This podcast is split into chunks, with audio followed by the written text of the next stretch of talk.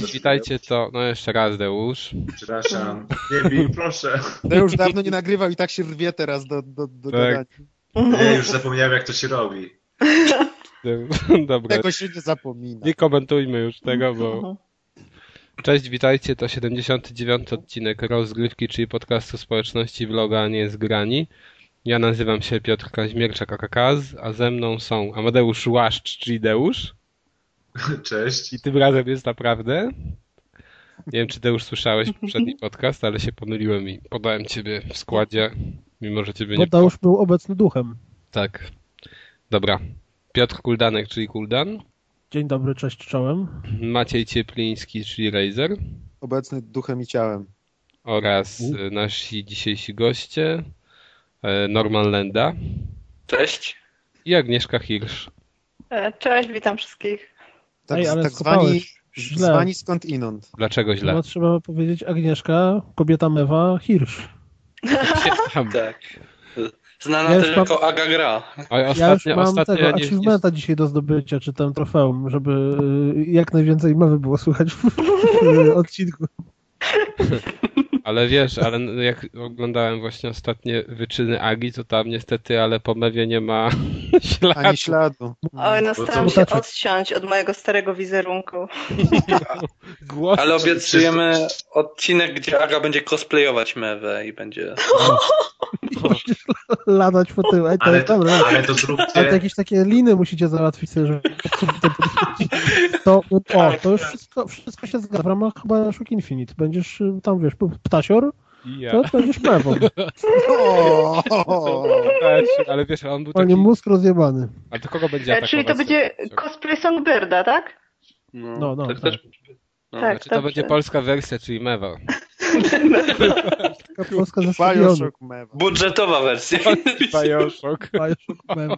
Hutaszok. Przyjadę wam pomogę, przy tym już muszę pomóc. Będę ciągnąć za sznurki, że tak powiem. Jakiś chętny do ciągnięcia. Dobra, dobra, może... e, No właśnie, Aga, może się. powiedz o co chodzi. Ale... ym, Aha, muszę powiedzieć o co chodzi. No, w Ale z sensie- czym? No, Z mewą? z czym? No właśnie Aga swoimi występami ostatnimi w Aha, internecie. z występami. Ojej, właściwie no, mm, nie ma za bardzo, nie tak dużo za bardzo do powiedzenia, bo są to po prostu moje takie autorskie występy Autorskie występy w internecie to. w internecie. No. To znaczy, to było też trochę tak, że... Ale co to E. jest najpierw? Aga gra. A, no tak. To może od samego początku, Aga. Pamiętasz, że zawsze po przechodzeniu gier Aga miała taki zwyczaj, że u siebie na Facebooku pisała długą recenzję swoich No, wrażeń. Może nie długą, ale takie jakieś, zawsze, zawsze jakieś kilka słów na temat gry i ludzie to albo zlewali, albo komentowali. No i w pewnym momencie się wkurzyłam, że właściwie wygodniej byłoby mm, zrobić taki filmik. Po, trzy, po trzech odcinkach się okazało, że to wcale nie jest wygodniejsze, ale zdecydowanie bardziej ciekawsze i sprawia mi dużo satysfakcji. No dobra, no czyli chodzi o to generalnie, że nagrywasz po prostu fauloga. Po prostu To lajki muszą się nawet. No właśnie, nawet to nie wiem, czy to jest vlog, bo tak naprawdę to ma taką formę takiego krótkiego programu z wrażeniami, prawda? Bo vlogi to, Program autorski. Z recenzją w Program zasadzie. W Mhm. internecie. Mhm. to jest taka Na recenzja, można tak powiedzieć. Mm. No, u nas na stronie też. Tak, znaczy ja staram się nie recenzować tak e, klasycznie, można by to ująć, tylko po prostu, żeby to były takie moje wrażenia z gry, czy mi się po prostu podobała, czy nie i moje takie spostrzeżenia a propos niej. Że nie wystawiam nigdy oceny dobra e, Last of Us 2 na 10. Dobra, może Aczkolwiek nie. zasługuje. Prawda? 2 E, na 10 tak w porywach. Nie, no żartuję. Żartujemy oczywiście. Tylko po prostu tak jest, e, wyrażam swoją inter, e, ten, opinię w internetach. O, tak w skrócie. Ale to fajnie jest zrobione, dobrze zmontowane. To dziękujemy. Ba- Bardzo ładna półeczka jest w tle. Nie, bo to Tak. widać na przykład jak sobie oglądam, tam widziałem jakieś, patrzyłem sobie na YouTubie właśnie, czy jakieś dziewczyny coś robią podobnego. No to Mhm. udało mi się znaleźć parę dziewczyn, które mówiły coś o grach. No to Wpisałeś, wpisałeś w Google dziewczyny, które robią coś fajnego. Fil, filmiki. Wiedziałem, wiedziałem. To już wiem, Ale jak to chyba, że na stagować swoje filmiki. Okej, no to w każdym razie jak klikałem, to dziewczyny robią coś fajnego. To tak się złożyło, I że... był to portal YouTube, tak? Na pewno, YouTube. Tak, to właśnie, te, właśnie ten tub, to, to wyświetliły mi się też inne dziewczyny, które grają i które o tym mówią.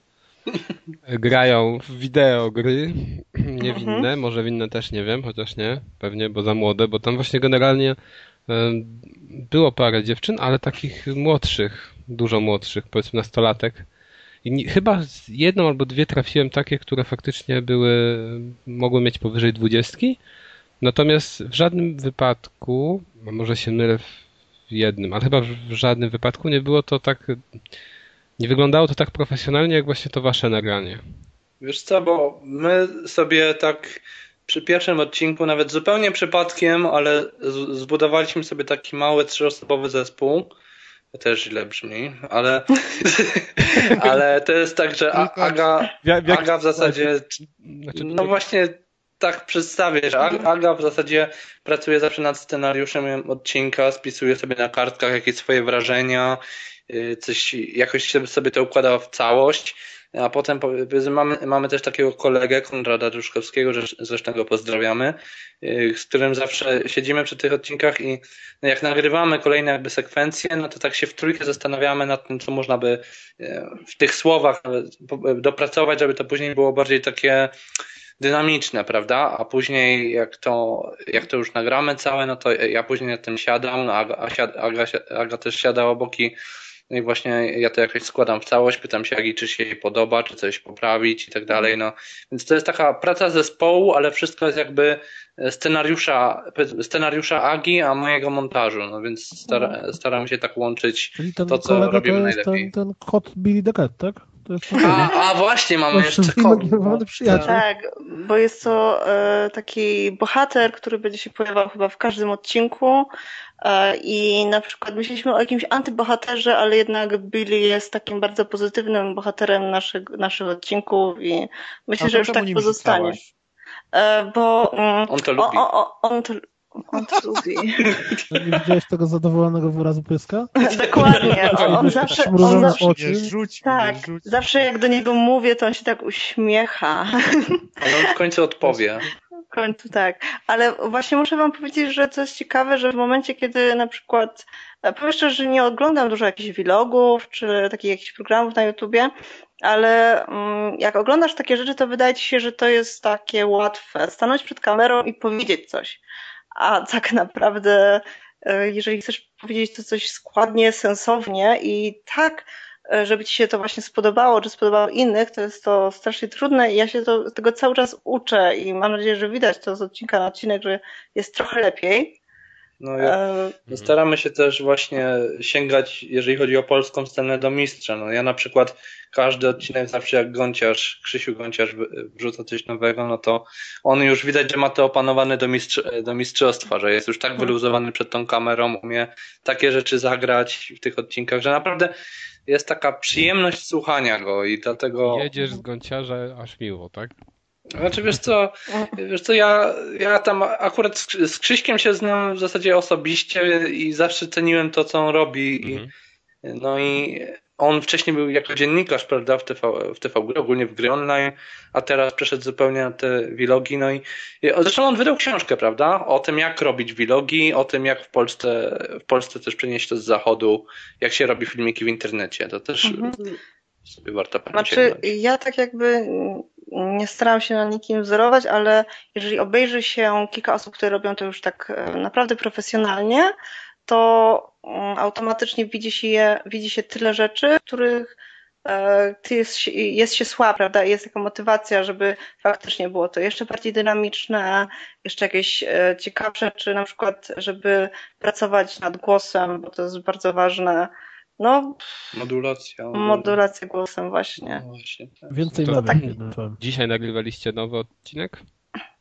Mieliśmy nagrywać, ale stwierdziliśmy, że Że musimy się skupić na A. królu i jego świcie. właśnie Bo, dzisiaj, ale to zabrzmiało. będą nami rzucać, przygotujcie się. tak, no, w, tym, w tym tygodniu postanowiliśmy, że tutaj rozgrywka. Wiesz Maciek, akurat jak co, ale to bym to mogłem się przejechać, rzucić. No, ja się boję tych skuty. Nie, no bo- po ciebie, ty wiesz, polski. Skróty. Okej. Tak, na początku był plan, żeby wydawać odcinek e, co tydzień, ale w momencie, kiedy e, nagle się okazało, że mamy coraz mniej czasu i na przykład e, już nie mamy jakichś e, wolnych dni w tygodniu, bo albo studiujemy, pracujemy i tak dalej, e, to nagle wizja odcinka co tydzień jest trochę przerażająca. No więc Znaczy, wydaje mi się, że w tym tygodniu to też było tak, że powiedzmy gra, którą chcemy przedstawić Dokładnie. w kolejnym odcinku, ona przyszła do nas później o Mhm. prawie tydzień niż zakładaliśmy i dopiero w zasadzie od wtorku Aga zaczęła grać w tą grę. To znaczy, no, grę z kolorowymi stworkami japońskimi, że tak powiem, jeżeli pewnie się domyślacie o co chodzi. tak. Zresztą dzisiejsze zdjęcia, które pojawiły się na Facebooku też miały być takim teaserem Chyba źle Tak. traktujecie tę Witę, bo Tak, gorzej wam działa. Albo Źle. zacząłeś też tam ściągać w tle. Źle, źle nas słychać? Źle nas słychać teraz? Możesz mówić, ale Tak. no jest gorzej po prostu. Jak Możesz pan cię wytnie całego. Mo, może ona Czekaj, po prostu... e, czekaj Norman, dotknijmy jej. Ona to lubi. Ciam. Nie rzucajcie Teraz- tylko. Czy teraz- Czy jest lepiej?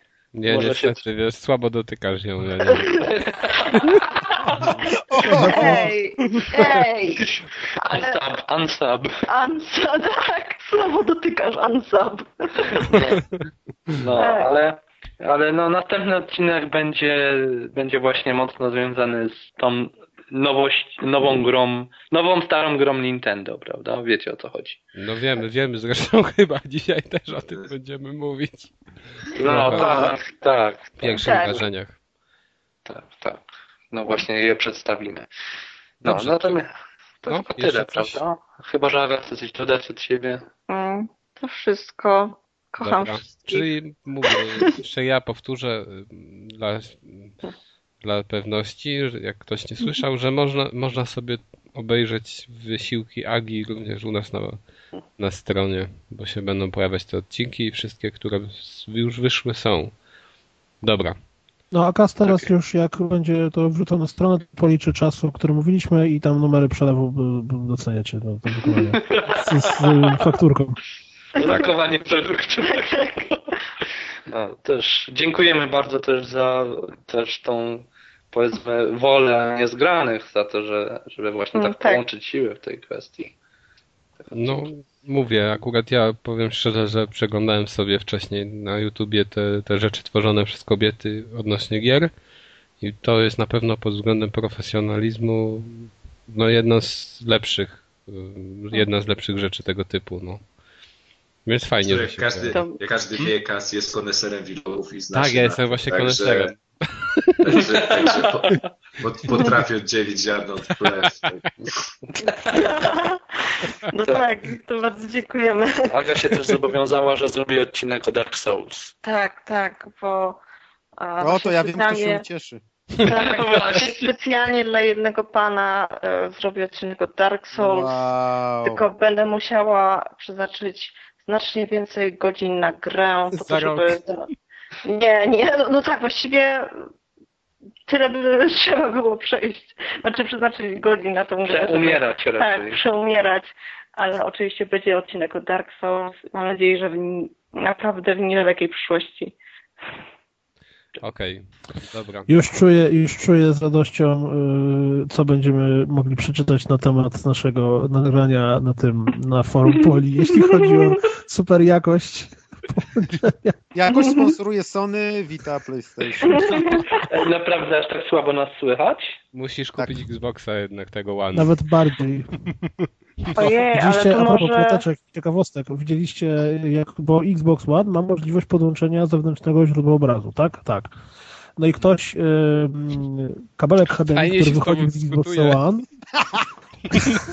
Jestem przyzwyczajony z pracy, nie? E, Ktoś wziął kabelek HDMI, który wychodził z Xbox One, watknął go w splitter, czyli rozdzielacz sygnału. Jeden kabelek wetknął do telewizora, żeby było widać, a drugi ten kabelek wetknął do Xbox One, dzięki czemu Xbox One był podłączony do Xbox One. I tworzyła O. się taka piękna, zapętlona pętla obrazu. Naprawdę ładne do znalezienia. Ale to wiesz, to, to może niedługo przeczytamy, że rakietami sterują też. Nie, moim zdaniem to jest, to są e, te takie przymiarki do e, odnowienia zawodu Rocket Science. Tego, wiesz, Necromonicon, to będą nowoczesne metody, y, metody na mm, cyfrowe wywoływanie demonów. Podłączasz, Nie, to jest po prostu- do cywilizacją. Xboxa, nie?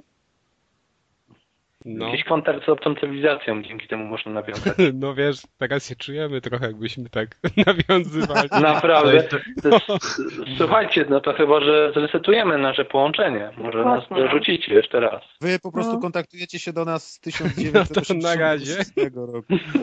Dobra, Dobra. to momencik, jedziemy sobie dalej oczywiście z podcastem.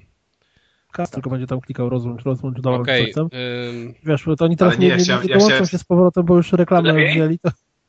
chyba Lepiej? no, troszkę lepiej w tym momencie. To możemy się tak umówić, że po prostu będę was rozłączał. Bo, Dobra. albo, możemy, się- albo możemy się umówić, że nie będziecie się odzywać, to wtedy też. Dobra, tak. Ja wiem kiedy nawet się nie będę. No właśnie Hardcore, to był ten moment. o Boże. Ale ja, No ja, to ja okej, ja chciałem tylko nadmienić, że podłączenie Xboxa w Xboxa nie jest takie głupie, bo to jest sposób, że każda teraz gra będzie miała multiplayer, nawet jeśli nie będzie jej miała. Ale wiecie co teraz Deus? Nie, ale to jest jeszcze lepsze, możesz grać sam ze sobą. No, sam ze... Ale to wiesz, to my przeważnie graliśmy sami ze sobą. Możesz grać w dwie gry naraz. To w Diablo 3 tak można. A No. właśnie Na dałoby się tak... No, no dwa, ale dałoby się tak właśnie w nawet. Że wiesz, że, że w jednej ręce jeden pad, w drugiej drugi. jazd. No tak, pewnie, dlatego że jest, tak, Norman tak grał. jest taki system, że ej, jest taki system, że jedna postać, jeżeli nikt, nie, nikt nią nie steruje, to ta postać za tobą biega. Jeżeli ty grasz powiedzmy playerem 1, player 2 poszedł sobie do kuchni i ty biegasz, no to za tobą ten drugi gracz biega. To powiedzmy, że drugą ręką naciskasz tylko jego skille, no i w ten sposób możesz zafajować świat. Na przykład możesz położyć pada na padzie. poczekać, aż drugi gracz z kuchni przyniesie do No, tego no, No, no, no, no, no. Nie, tracisz imersję. Wiesz o co chodzi. To jest długa Diablo gra. jest tak dobrą grą, że trzeba grać. Nie, bo, No. nie, bo potem my- się okazuje, że tego drugiego gracza w ogóle nigdy nie było, nie? I ty po prostu tak za każdym Ale ja razem wam jak powiem, grasz, że- wyjmujesz drugiego pada w nadziei, że ktoś kiedyś... Jak ktoś mamo, wejdzie, jak, mamo, ma, zagraj wiesz, ze mną.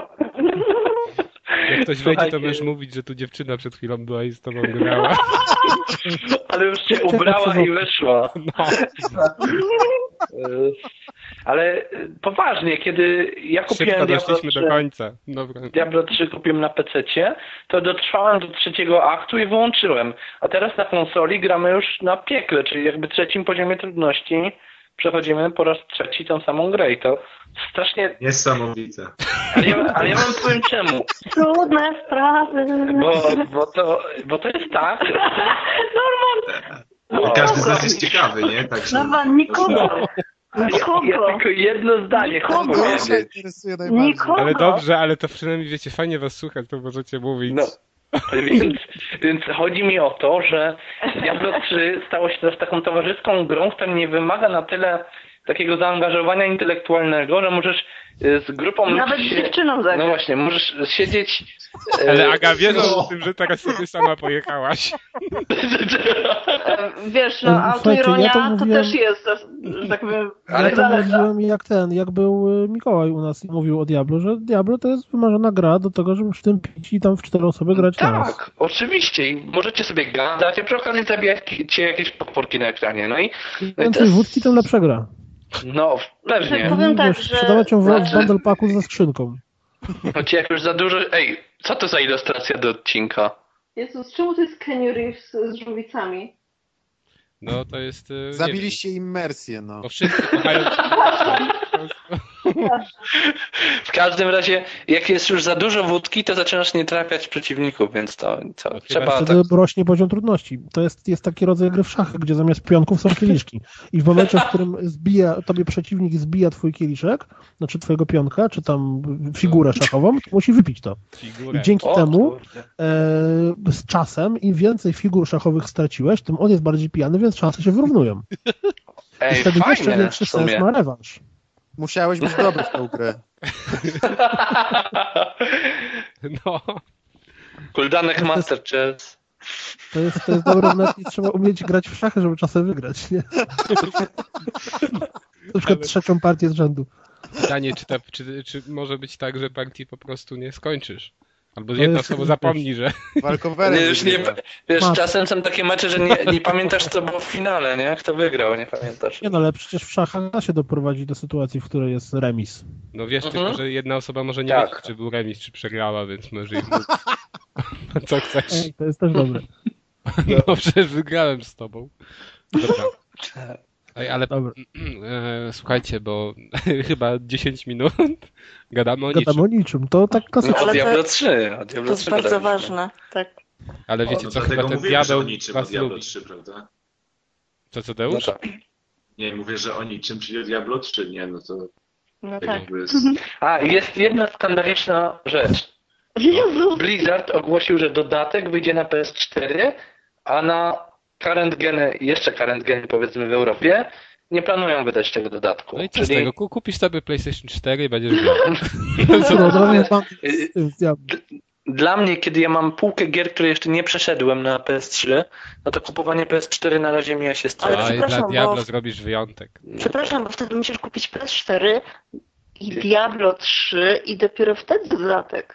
Nie, to właśnie. będzie wychodzić w jednej chyba, w jednym pudełku to będzie Ale chyba. pomyślcie sobie wtedy, że macie dwa, dwa razy na półce Diablo 3. Tak ładnie. Teraz mamy dwa razy na półce Pokémony. Pokémon X i Pokémon Y. No i bo ja różnica, i różnica Tak, jest... bo ja gram w Y, a Aga gra w Xa. Jesteś zwycięzcą. My body is ready. Jeju. Dobra. Jedziemy sobie dalej.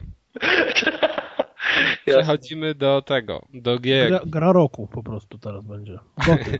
Od razu Amen, must Amen, buy. Amen 2. Amen. E, Bardzo jak fajna czytasz? gra. Po polsku czytaj.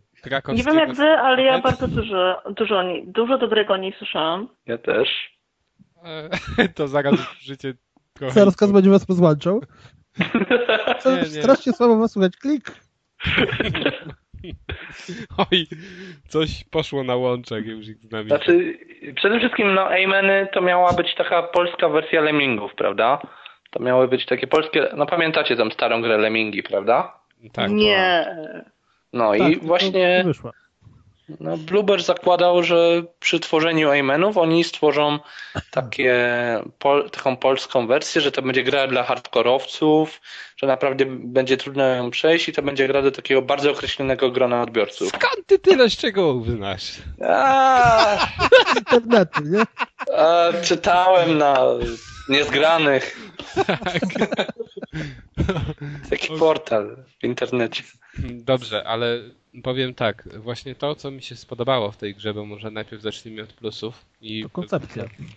sama koncepcja właśnie tego, że to są to jest Lost Viking, połączenie to Lost Viking z Lemmingami, ale odwrócenie y, właśnie idei Lemmingów o 180 stopni, czy o 360 nawet. Bo w Lemmingach Tak. chodziło o to, Czyli to wróciliśmy do tego samego punktu, jak o 360. to mówić. no o 180. Matematyka jest taka skomplikowana. Ale no dobra, niech będzie. Y, 180. No i w każdym razie chodzi o to, że w Lemmingach y, całość zabawy polegała na tym, żeby doprowadzić stworki z jednego punktu na planszy do drugiego i żeby jak najwięcej z nich przeżyło. A w Amen 1 i w Amen 2 jest tak, że my y, kontrolujemy jakby mm, Stworka. nie, właśnie nie, kontrolujemy postacie, które mają załatwiać te ale lemingi chodzące po planszy. I to mi się bardzo spodobało na początku. Właśnie, bo to było takie, no, coś innego. Nie przypominam sobie dawno takiej gry. żebym właśnie lemingi musiał likwidować. E, I co to jedna rzecz, która mi się spodobała na wejściu. Druga rzecz, która mi się spodobała na wejściu, to zagadki, które są wymagające i no na pewno dają e, pole do popisu komórką myślowym, tak? Czy jak to tam się no, tak. szczegółowo? Nie znam się na biologii. No więc e, to są dwie rzeczy, które tę grę, no, znaczy może, które są zaletami.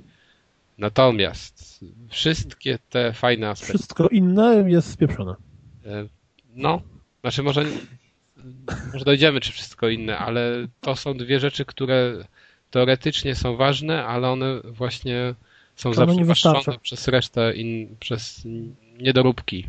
Bo wiesz, ten wysoki poziom trudności jest bardzo spoko i skomplikowaność poszczególnych poziomów byłaby super, gdyby nie to, że powtarzasz poziom po 20 czy tam po 15 razy nie ze względu na to, że nie możesz znaleźć rozwiązania, tylko ze względu na jakieś niedoróbki, typu, że ci się postać zaklinowała i nie może wejść po drabince, albo że e, jak robił się checkpoint, to okazało się, że postać, która stała na kamieniu, jak wczytujesz checkpoint, to kamienią zabija od razu z miejsca. Mhm. Albo, że na przykład e, w zagadka jest, rozwiązanie zagadki jest losowe, to znaczy rzucasz beczką, która ma rozwalić most, ale beczka czasem rozwala most, czasem nie rozwala, czasem zabija tego, który nią rzuca, a czasem leci w kosmos i w ogóle eksploduje tej konsola. Nie? Ale to też, to jest jedna rzecz, o której ty mówisz, to są takie ewidentne bugi.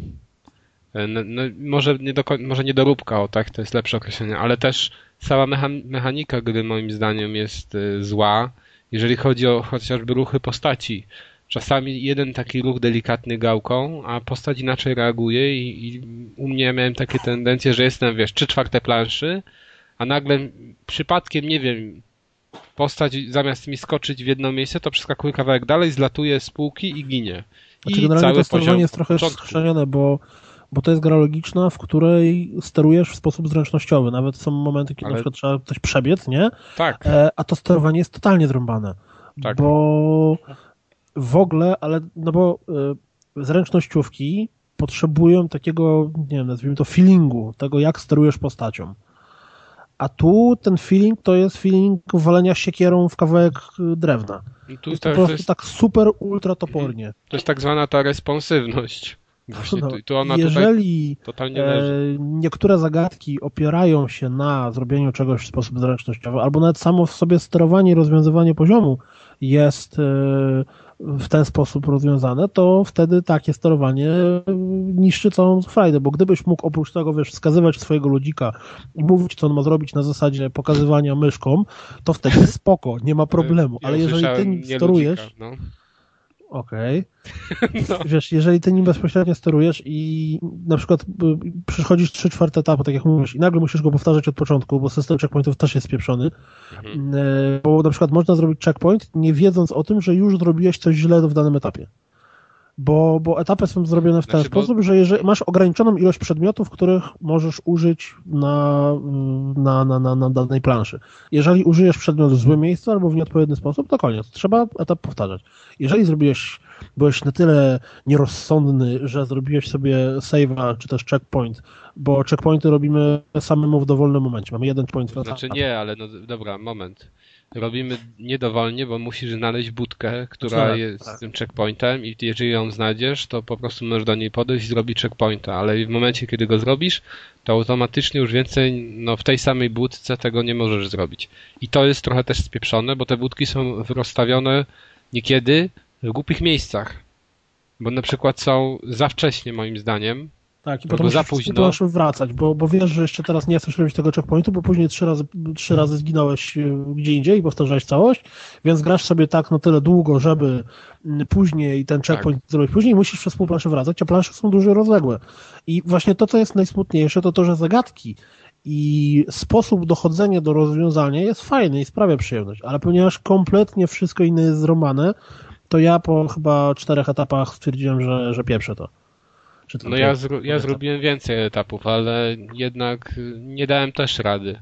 Natomiast co by tam, znaczy wiesz, to by była dobra gra, gdyby w niej zmienić właśnie, bo grafika to jest umowna, no No grafika jest taka szczerze, pseudo że- komiksowa, pseudo zabawna, tam Ale no nie jest ładna. naszych bohaterów, no, no, no, no, no, No, no, nie jest. no nie jest, No no. ale- No ale już okej, no nie musiałaby być. No wiem, no tak właśnie. Jak na przykład, nie wiem, w Steel w tam tej takiej platformówce skradankowej, Tak, grafika też była bardzo umowna, ale absolutnie Ale- była spoko. No, była, ale to jednak inny typ jest grafiki, bo tam jest, wiesz, taka stylizowana na te... No i tam to zupełnie inaczej wygląda. Natomiast tutaj co by, co by trzeba było zmienić, żeby ta gra była naprawdę fajna, to tak. Sterowanie i... Przede wszystkim sterowanie. Po drugie, ja bym dodał y, te checkpoint, no po prostu w innych miejscach bądź więcej. I dla mnie to jest. Wiesz co by mi wystarczyło? Gdyby była możliwość e, cofnij ruch. Tak. Cofnij Gdyby to było, to żadne checkpointy nic by nie było potrzebne. W momencie, w którym, bo ja miałem tak, że zrobiłem coś, y, no, bo tam postaci, mamy różne postaci, które mają różne umiejętności, podnosimy przedmioty, nie używając tych umiejętności. Jedną z postaci jest inżynier, który buduje mosty, znaczy takie, nie mosty, a takie schodki. No i ponieważ to chwilę trwa, to mi się nudziło, w międzyczasie drugą postacią sobie skakałem e, i byłem na tyle nierozsądny, że skakałem w miejsce, w którym most był budowany, więc kiedy most się zbudował, znaczy schodki, to ta przejść. postać, którą skakałem, y, zablokowała się pod schodkami i nie mogła wyjść. A cały etap był skończony, to były schodki do helikoptera, czyli do skończenia etapu. Ja musiałem całość powtarzać. A No, No. ale słuchaj, ja na przykład jeszcze bym zrobił coś takiego. I dla mnie, no, nie ma zmiłuj w tym względzie. Jeżeli robisz grę, która ma trafić do wielu odbiorców, no chyba, że robisz grę, która ma trafić do 100 odbiorców, albo 50, to musisz sobie zrobić, no musisz ją rozplanować tak, żeby e, każdy mógł, czy potencjalnie każdy mógł w nią zagrać. A ta gra jest po prostu za trudna. Ona powinna mieć jednak te punkty zapisu częściej, gęściej rozłożone. Powinna mieć poziom trudności do wyboru. I Znaczy tam każdy- jest zrobione coś, co teoretycznie rzecz biorąc, tylko to jest zrobione tam, wiesz, jedno ziarno tego, a to, o czym mówisz, mogłoby to wykorzystywać. To znaczy, w zależności od tego, w jaki sposób rozwiążesz daną planszę, zdobywasz taką ilość punktów, co pokazuje, czy jesteś bardziej zmyślnym gościem, czy mniej. Bo jedyne, co ja zauważyłem, to, że możesz wykorzystać checkpoint albo nie. To wtedy dostajesz trochę więcej punktów. No ale nie, no wiesz, gdyby to, o czym ty mówisz, czyli na przykład ilość cofnięć, czy miałbyś więcej przedmiotów niż Też chodzi mi o to, żeby podpowiedzi były. Bo te zagadki niekiedy są naprawdę trudne i bez systemu podpowiedzi, no nie każdy ją skończy. Całe szczęście, że jeszcze dali taką możliwość, że nie trzeba robić tych y, poziomów sukcesywnie. Że można na przykład, że część z nich jest otwarta na początku. I można sobie przeskakiwać, bo ja tak miałem, pamiętasz co ci mówiłem, żebyś przeszedł ten jeden poziom, bo nie, nie mogłem sobie z nim dać rady. No okazało się tylko tyle, że się zrzuca skrzynkę i trzeba na nią skoczyć i wtedy postać nie zginie. Jak się smyknie właśnie gałką w złą stronę i ona jakby się ześlizgnie centymetr dalej i nie spadnie na skrzynię, tylko na ziemię, to już automatycznie ginie. No ale nie To pomyślałem, jest coś, co jest moim że zdaniem największym błędem, takie coś- problemem. i w ogóle jest możliwe w tym, znaczy, że to w ogóle tak przejdzie. I nawet Znaczy, tego nie robiłem, tego ruchu. Największy problem polega na tym, że ja nie wiem, czy to była kwestia glitchu jakiś, czy, czy co, ale ta sama próba zrobienia tego samego e, dawała różne skutki. I wiesz, i to, i to jest najgorsze, bo wtedy próbujesz zrobić, postarasz się przejść etap, używasz jakiegoś rozwiązania, dupa, nie pomogło, to już zapominasz o tym rozwiązaniu i kombinujesz inne sposoby. A może to nie zadziałało, dlatego że to był Mhm. Akurat bug. I następnym razem, jak to spróbujesz zrobić, to Nie, zadziała. ale wiesz, ale no to, to, to jest bardzo duża umowność, bo ta skrzynia, powiedzmy, że zrzucasz sobie skrzynię i na nią możesz spaść i nie giniesz, nie? No to wystarczy, że nie wiem, że ona cię zablokuje na jakimś kamieniu wyższym i teoretycznie ją zeskoczysz, nie zginiesz, ale w drugim momencie, kiedy będziesz powtarzał poziom, bo tam ci się dalej nie udało, akurat ta skrzynia centymetr czy pół centymetra niżej zleci i wtedy ty jak na nią skoczysz, to zginiesz. Wiesz, to jest- Nieraz skrzynia spadła i nie rozbiła mostu. Aha, nie, to tak nie Co? miałem, no ale ja... Słuchajcie, a może byśmy tak, a tak mówicie o samych szczegółach gry, no ale w zasadzie może tak powiedzmy też tak ogólnie z założe, założenia, czym ten Amen jest też, no, No, nie? Bo mówimy właśnie, że to jest, y, mówiłem, że są jakby takie odwrócone lemingi. Mhm. No Masz tak, żołnierzyki, które musisz, e, znaczy masz ekipę swoją. No, mhm. A Ta- jest tam jakaś fabuła? No niby jest fabuła, ale tam e, jak to było z kosmitami coś, że, te, że, to, że to nie są niby ludziki, tylko że to są jakieś takie, nie wiem, robociki, tak? Znaczy, szczerze mówiąc, jeżeli jest fabuła, to ja nie zauważyłem, Bo bo, tam- mi się nie wyświetlił żaden filmik, ani Bo- nawet obrazek wprowadzający, tylko pierwszy etap od razu się zaczął, więc Bo nie one, czy bo, jest bo później, wydaje mi się, bo już też to grałem z miesiąc temu chyba po- ponad. W każdym razie tam było coś takiego, że w tych późniejszych etapach chyba pomiędzy nimi się pojawiały jakieś plansze. które takie tekstowe, które No tak. wskazywały niby co się dzieje, no ale nie wiem, czy to w ogóle jest nawet sens rozwijać temat, bo mówię tam, nie wiem, jakiś No najazd. nie, no fabuła jest szczątkowa, wiadomo. Tutaj akurat w tej grze to nie o to chodzi, prawda? No nie, no, no mówię, tu chodzi o to właśnie, żeby rozwiązywać zagadki, a kluczem do rozwiązania zagadek jest wyeliminowanie odpowiedniej liczby przeciwników i kiedy to nastąpi, pojawia się helikopter, do którego musimy dotrzeć i odlecieć z planszy. A pytanie, ty grałeś w Aimena 1 może? Ja Nie, grałem w domu. ale Piotr grał. Ja grałem w domu i szczerze mówiąc, czego nie rozumiem, grałem w domu na Wicie i mi się bardzo podobało. Więc Tak? jak e, zobaczyłem na dwójkę, to spodziewałem się, że będzie przyjemniej. Tylko widzisz, przez to, że grałem w demo i to tam były chyba tylko dwa poziomy, Mhm. to w ogóle, i to było dawno temu, to w ogóle nie zapamiętały mi się w głowie te problemy, które miałem z dwójką. Czyli właśnie spieprzone sterowanie między innymi. No ale tam na Nowicie nie wyglądało to trochę inaczej. Nie, to Słuchaj, to bardzo, było są rok bardzo temu? No. Ponad? Aha, no nie, no dobra, no mówię, dla mnie to jest gra, której nie warto kupować. I tyle. Ale sądzę, że potencjał jakiś jest, jeżeli oni te wszystkie niedoróbki naprawią w przyszłości, jeżeli będą robili następną część, to może nas z tego wyjść naprawdę niezła gra. Ale po pierwsze Daj, trzeba... dajcie szansę kolejnym projektom, bo no, chłopaki cały czas rozwijają powiedzmy też technologię, też zmieniają technologię i no i trzeba powiedzieć, że no, z każdym projektem ja mam, ja mam wrażenie przynajmniej, że jest coraz lepiej. Więc można... Ale Piotrek myśli inaczej.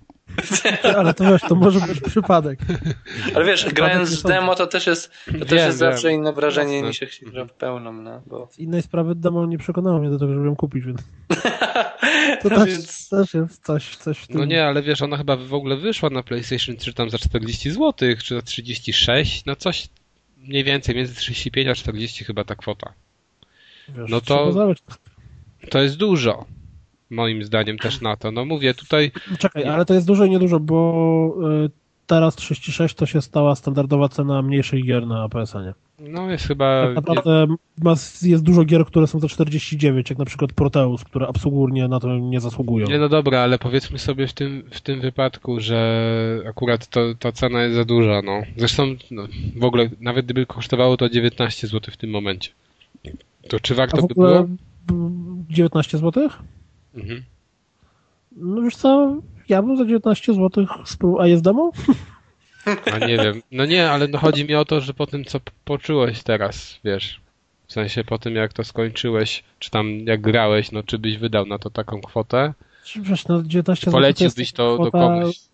Dla mnie niestety 19 zł to jest taka kwota, że bo jak się kupuje, nie wiem, bundle paki jakieś, to kupujesz, czy jest wyprzedaż na Steamie, to ludzie wydają dużo większe pieniądze w gry, których nigdy nie włączą nawet, tak? Więc e, te 19 zł to jest taka kwota, która kompletnie, ja, i słuchaj, ja bym szczerze nikomu nie był w stanie polecić ani zaproponować tej gry. W ogóle, po prostu nie, bo, bo, bo ona mnie za bardzo zirytowała. Ale z drugiej strony za te 19 zł no, można by No to możesz kupić, wiesz, możesz Można by, kupić wiesz, dużo traktować mniej niż dwie paczki fajek, y, bo to chyba papierosy są drogie bardzo. Są, To jak to są ktoś cztery pali, Bismarty. Wiesz co, ja O. ostatnio kupiłem za chyba 8 zł Space Channel 2. no to są zalety tych tamten. Ale wiecie, patriotyzm lokalny i tak dalej, wspieranie polskich No. studiów. Jak wiesz, jak. No lepiej przykład- kupić za, słuchaj, lepiej kupić tego, Mousecrafta. y. Bo, ale nie, no, to jest moim zdaniem tak, no jeżeli ja na przykład lubię krówki polskie, to kupię sobie w Polsce krówkę, bo ją lubię, ale nie będę kupował krówki, jeżeli ona mi nie będzie smakować. To dlatego, że jest polska, No. jeżeli mam do wyboru niemiecką. No, Co, po polonezę masz jeździć całe życie? no. ale w sumie faktycznie teraz najnowszy to Polonez chyba. Polska myśl. Dobre, dobre. Czyli generalnie niestety nie polecamy. Okej, Mm. jedziemy dalej. Pokémon. Teraz Pokemony, a nie, a nie dżingiel. Nie, bo to później będzie, bo ja to o tym Aha. drugi raz będę. Dobra, no to może w takim razie my, my się wyprodukujemy trochę, jako że ostatnio zaopatrzyliśmy się w dwa 3DS XL, a Aga sobie specjalnie tego różowego skminiła. Wiesz co, No przepraszam, to- to jest chyba jedyny odcinek podcastu we wszystkich podcastów na pod serii podcastingu, gdzie są cztery osoby, które mają 3DS w jednym nagraniu. No, I nie wiem, możemy czy, czy jest się dodać do friend listy.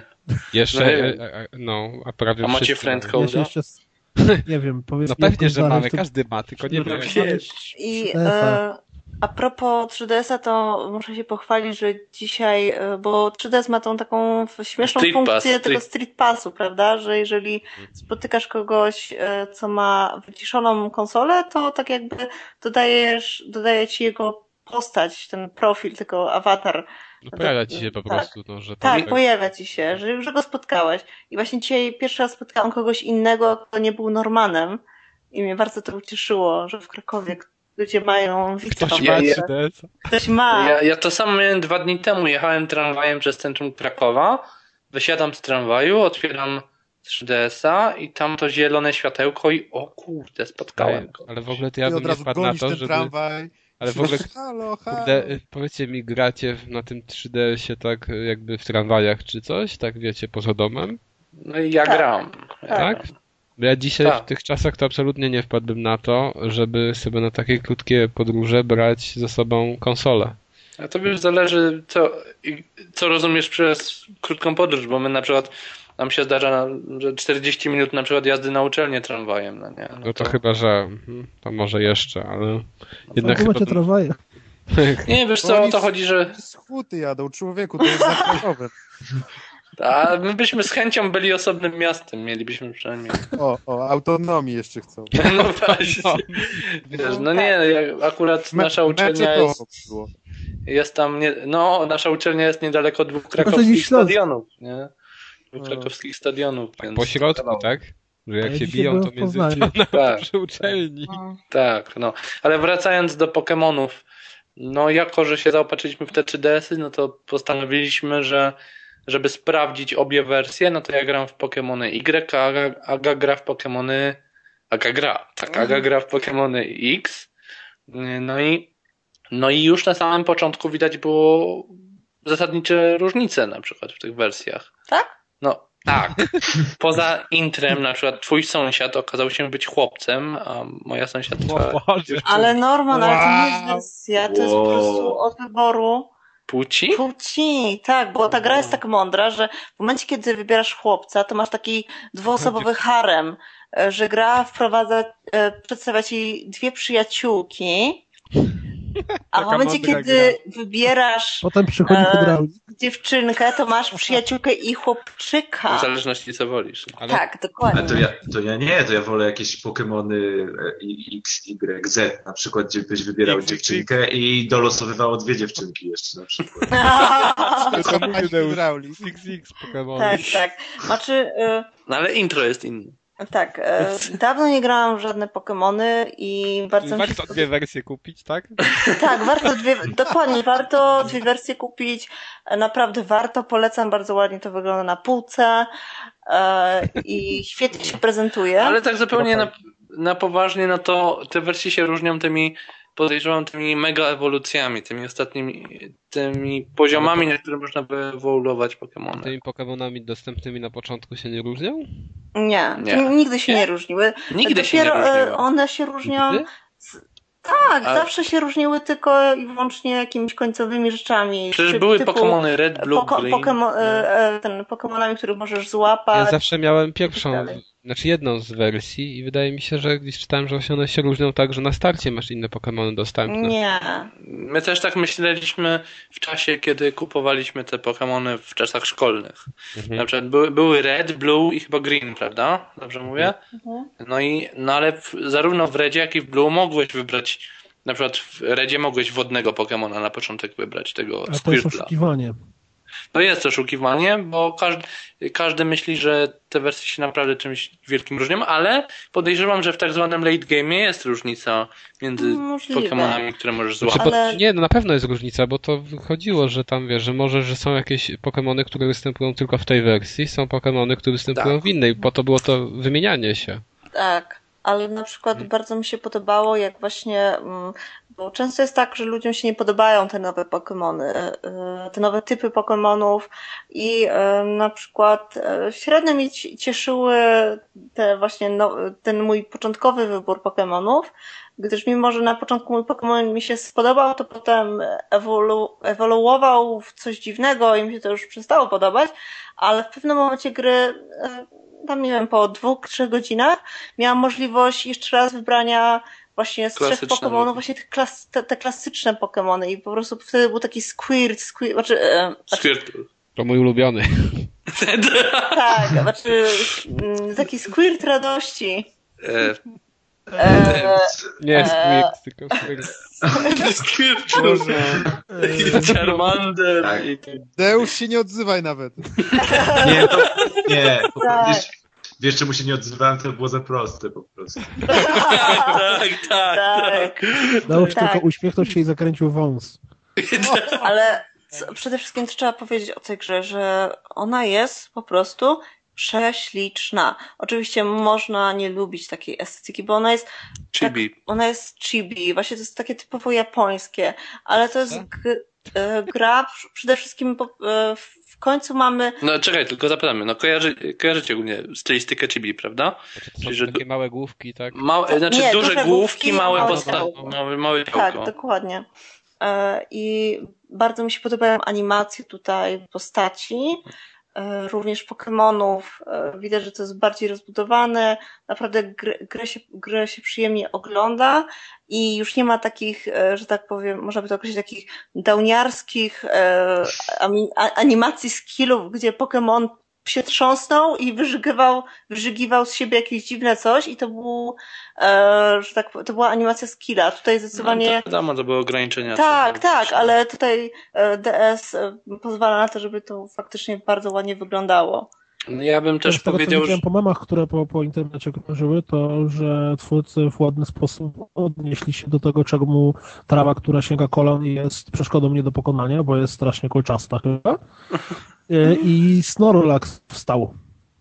Tak, tak, tak, tak, bo on chyba przeważnie leżał w tych wcześniejszych wersjach. Znaczy, wiesz co, było takie ładne, ładne zestawienie, że Snorlax z każdej kolejnej edycji, począwszy od pierwszej, wstawał coraz bardziej. Na pierwszej leżał tak, że w ogóle głowa była mu tam, wiesz, gdzieś zwisała z tyłu, Aha. potem podniósł głowę, potem się podkładł, coś tam, no i w tej wersji już stoi. Więc pytanie, co będzie następny.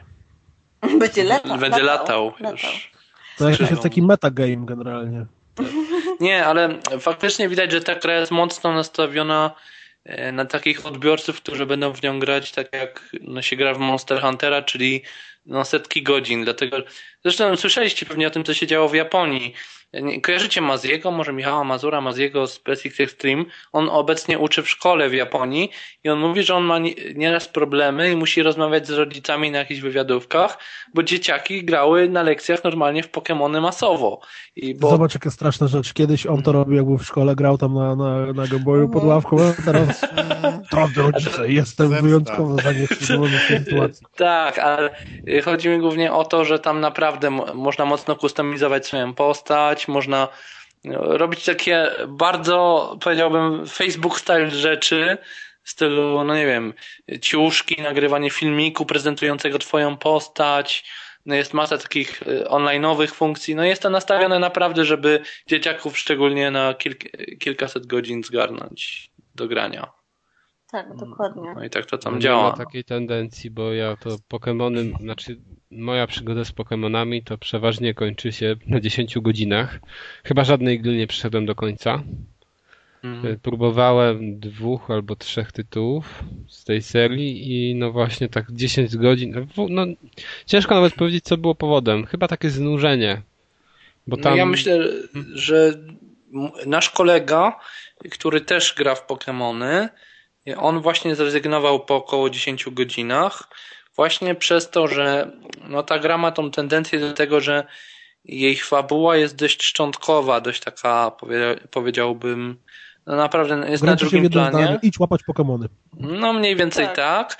a sama gra no jednak jest tym takim greenfestem, prawda, że no, że jednak levelujesz te stworki i tak dalej. No i w zasadzie, jeżeli ktoś nie lubi na przykład grindowania, No i po prostu nie cieszy go samochodzenie po tym świecie i no to można się znużyć. No ale z drugiej strony, jeżeli popatrzy się na taki Animal Crossing od Nintendo, tam można robić jeszcze mniej, a ludzie w to naprawdę bardzo dużo godzin No grają. właśnie, znaczy jest to taka idealna gra właśnie na takie krótkie podróże, bo e, wsiadasz do autobusu, odpalasz sobie DS-a, łapiesz Pokemony, wysiadasz, e, zapominasz o tym. Znaczy z tym bym się do końca nie zgodził, bo wczoraj włączyłem na chwilę 3DS-a, miałem posprzątać mieszkanie. Dwie godziny minęły, nie wiem kiedy, nie posprzątałem, ale złapałem kilka Pokemonów, więc strasznie czas przy tym leci szybko, to trzeba Praca powiedzieć. Agnieszka, Norman, czemu mieszkanie? A, wiesz, złapa, ale patrz, złapałem Ale Pikachu. patrz, co mam, pik... Właśnie dokładnie. Norman siedzi na środku takiego burdelu i się... Tak, tak, tak. To był ten moment, kiedy się zapytałam, gdzie jest obiad.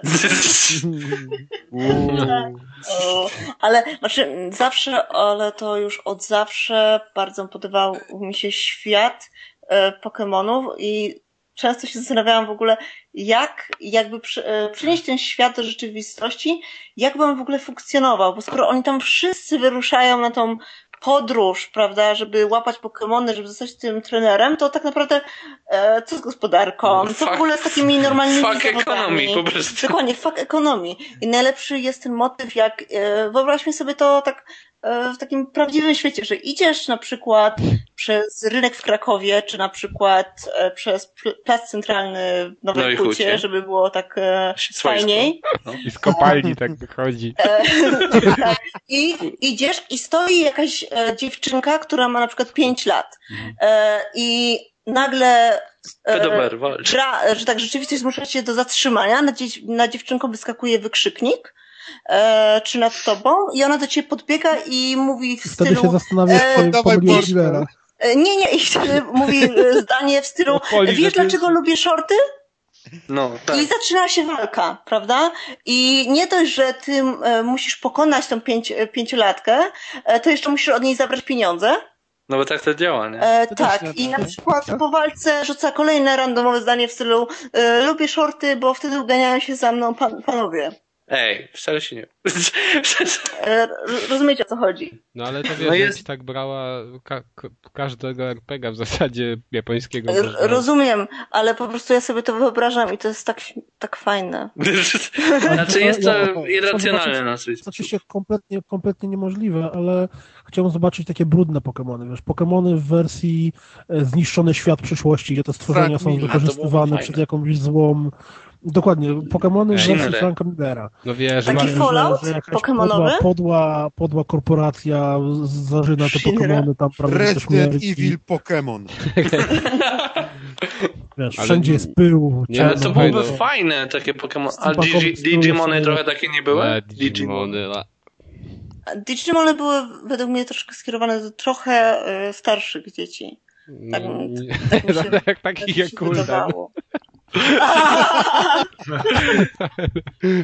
ale no już Przepraszam, nieważne. Ja, ja, ja byłem jeszcze, ja oglądałem Pokemony w telewizji. Ale ja, ja, ja recenzję robiłem tego serialu kiedyś w gazecie. A graliście w karciankę? Ja nagrywam. Tą oficjalną? No Nie wiem, czy właśnie, kojarzy... dobra, Nie, next. nie, ale dobra, ale No, tylko, zaraz Maciek tam już... chciałem tylko zaraz powiedzieć, Maciek że jeszcze jest Nobunaga, te, te Pokemony tam z Nobunagą są gdzieś w Japonii. Tak? Zmyślasz te nazwy, Historyczne Pokemony, czy mają wyjść? No nie pamiętacie tej akcji, że to tam zapowiedzi To były jakiś, tego? y, jakaś strategia wyszła z... No chyba z właśnie Pokemonami. wyszła już. To jakiś czas temu, ja recenzję tylko czytałem. To jest strategia taka turowa, gdzie właśnie feudalna Japonia, tam podobne klimaty e, walczą e, Pokemonami ze sobą. No właśnie, no więc Aha. to, wiecie co, to może tak jeszcze tylko podsumujemy, że na ten etap, na którym powiedzmy teraz gramy tam, no tam pod 10 godzin, no nie więcej, no to gra naprawdę jest taka czarująca. Mi, No mi ale- osobiście bardzo się podoba. no ale I zawsze mi się, no no, czy no. w ogóle są takie znaczące różnice pomiędzy tą, tym... nie. Znaczy, Pude, pudełko się różni. znaczy czy, Nie, nie, między ja- wersjami XY? Nie, chodzi mi o te Pokemony z DS-a na przykład.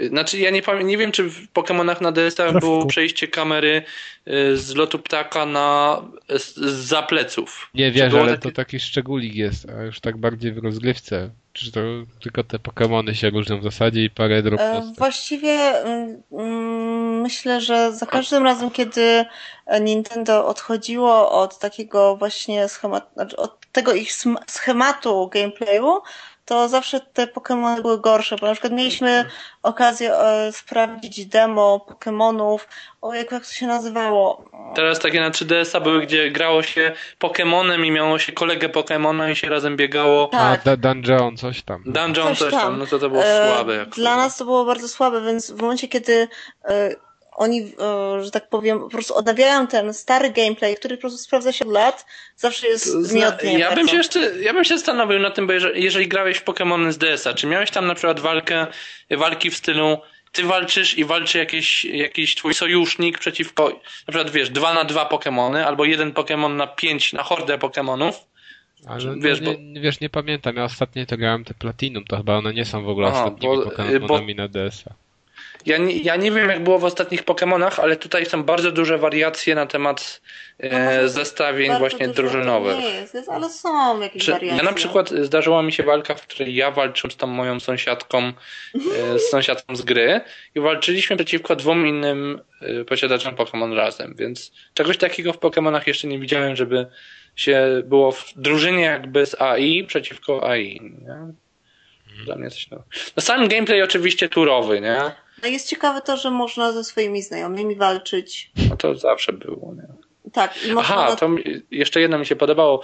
Jeżeli chodzi o walkę ze znajomymi, to yy, przynajmniej u nas się tak zdarzyło, jak zagraliśmy razem, że nam yy, upscalowało, o Jezu, jak się to mówi po polsku, upscalować level. Wyrównało level. Wyrównywało level do 50 i więc liczył się bardziej skill, powiedzmy, niż... A wcale nie. Nie liczył nie? się skill, tylko... No bo ja miałem Snorlaxa i cię zabijałem Snorlaxa.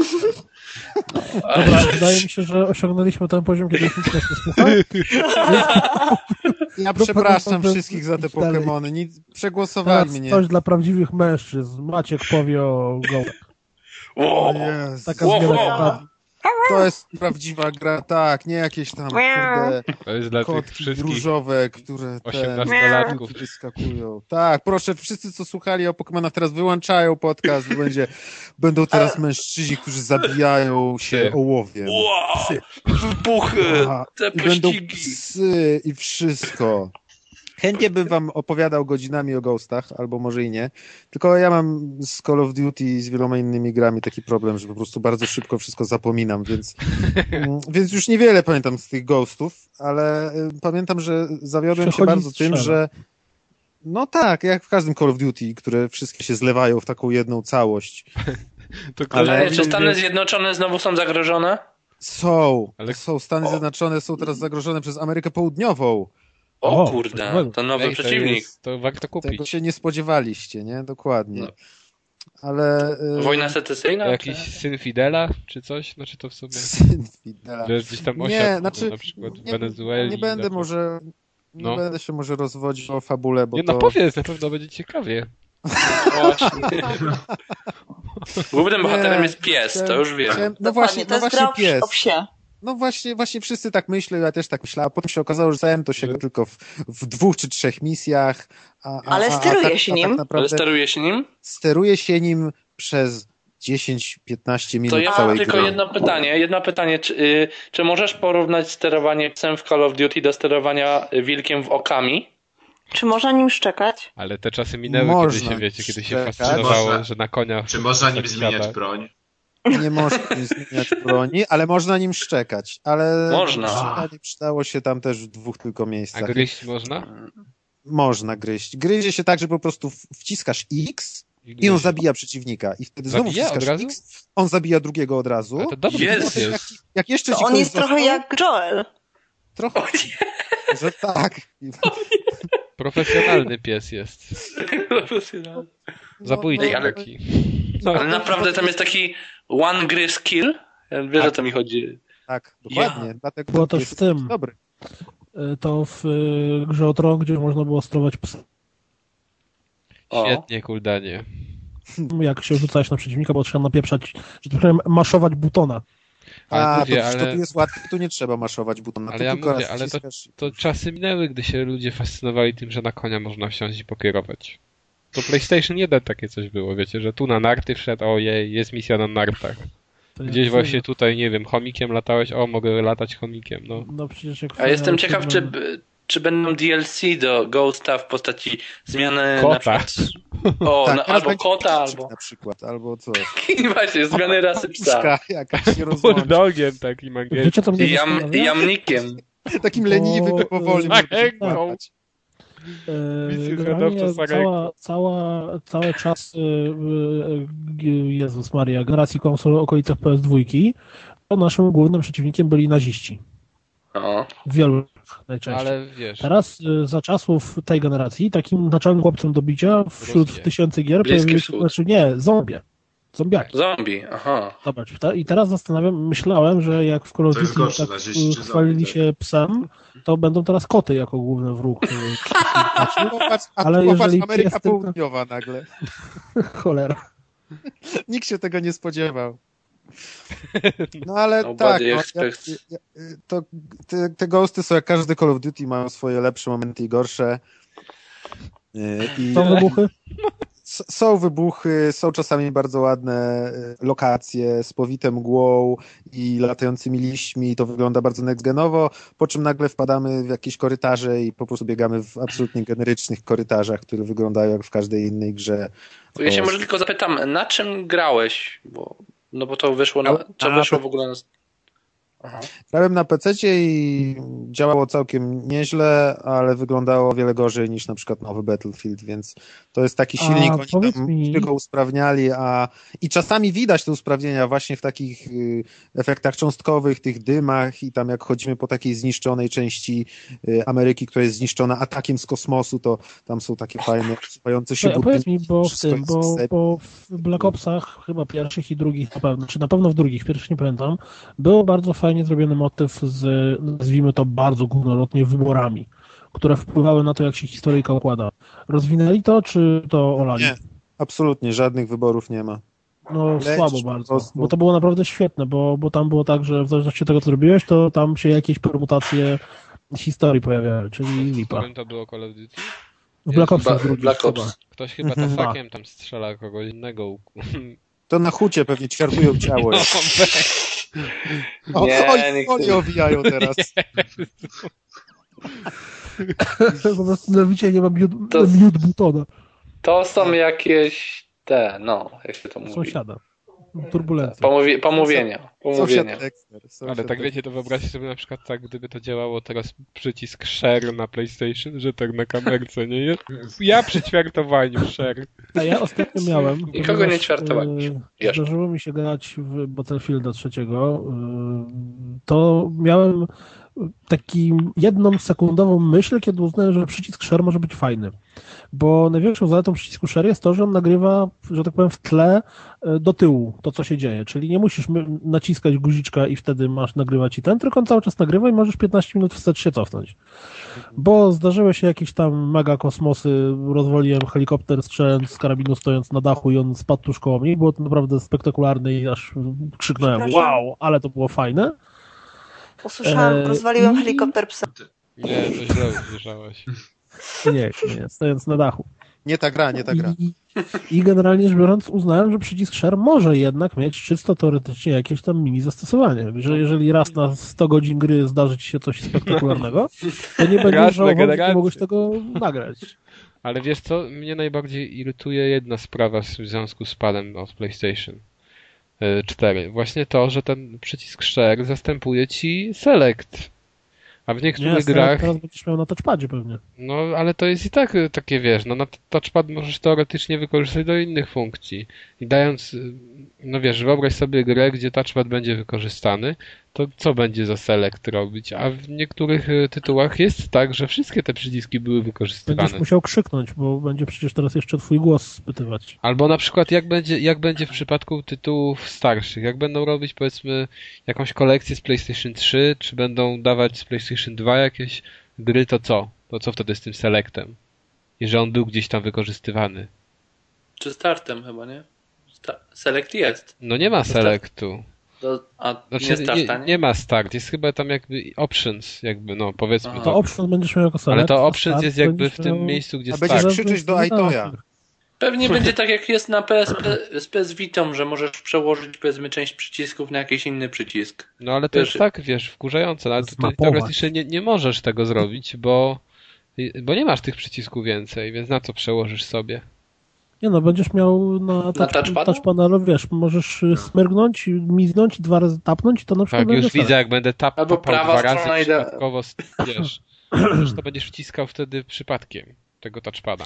A swoją drogą, nie myślicie, że wprowadzenie tego touchpada może być y, szansą na powrót gier strategicznych na konsolę? Albo Boże, nie, nie. Pierwsze zjawienie nie. się strategii? To będzie za Nie. słabo, za słabe, to jest za małe, to jest na pewno nie, nie tak, nie działa i idealnie jak... Już mów miał być taką szansą, ale okazało się, że nie działa. No tak, ja mówię dlatego, że gry strategiczne na przykład na tych iOS-ach całkiem nieźle, jak patrzę na przykład na Majesty, to bardzo fajnie się steruje tym ekranem dotykowym. Ale tam masz to dużo większe i widzisz No bezpośrednio, tak, to prawda. klikasz, a tutaj nie, to, to w ogóle nie będzie wykorzystane. To moim zdaniem będzie wykorzystane tylko w grach jakiś tam, jak ktoś sobie uzna, że jakąś popierdyłę typu minigrę zrobi na podstawie Znaczy, touchpada albo... y, pokazywali to z Playrooma, y, z tej, tej aplikacji z kamerką i tam to było wykorzystane bardzo, bardzo sensownie, bardzo fajne. O, to dopiero. O, O Jezus. Maria, manieczki jakieś zaleciały.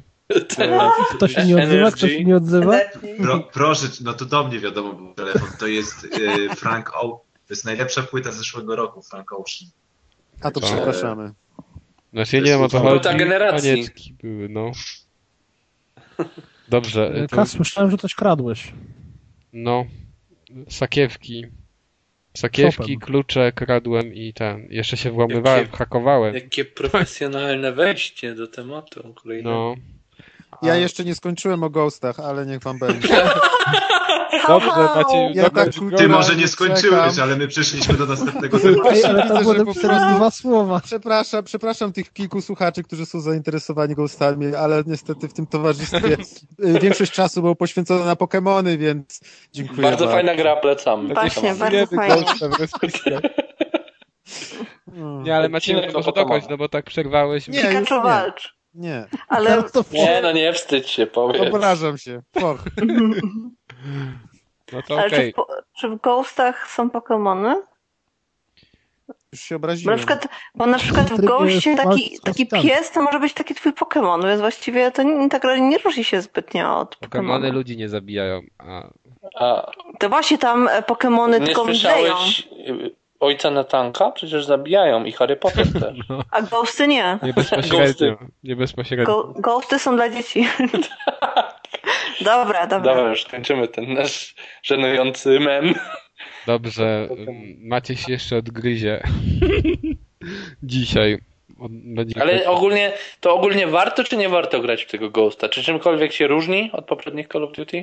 Nie, to jest Call of Duty. Czy nie warto? No to zależy, jak ktoś lubi Call of Duty, to warto, a jak Ja nie, zagram, to... Ale to inaczej. Bo grałeś też w Battlefielda nowego, tak? Jak Tak, rozumiem. ale nie w singla. Znaczy w A. singla grałem, ale moment, więc nie mam w ogóle No, chwilę, tylko widziałem jak Ba- wygląda. Bardziej o to mi chodzi, czy taki skok z poprzedniego Battlefielda na najnowszego w porównaniu do skoku z Call of Duty na Call of Duty, czy w Battlefieldzie jest bardziej zauważalny, czy w Call of Duty? Chyba w Battlefieldzie, ale już trzeci Battle, Battlefield był tak jakby lepiej wyglądał. Moim zdaniem. Mi się bardziej ten silnik y, EA podoba, ten, ten, ten Frostbite i Call of Duty już od dawna wyglądało słabo, to Call of Duty wygląda lepiej, ale, ale wciąż za słabo na to, co możemy oglądać u konkurencji. No, to dzięki. To w zasadzie tyle chciałem wiedzieć, bo w zasadzie, bo w zasadzie ja szczerze mówiąc grałem tam kilka Call of Duty temu powiedzmy i to już było dla mnie takie powtarzalne, że stwierdziłem, że zamienię to na inne No gry. dobrze, ale powiedzcie, powiedz mi jeszcze bo jedną, bo tam wiadomo, że singiel to nikogo, ale czy w multiplayerze coś tam się zmieniło? Czy jakieś, jakieś ja- może znaczące zmiany są? Takie, że widzisz od razu, wow, coś nowego. Nie wiem, bo nie grałem w multi Call of Duty. Ale Call to of jak. Duty multi jest dla mnie za, za, za, za agresywne. Ale to kupiłeś Call of Duty dla singla? Nie No, to kupiłem, pożyczyłem.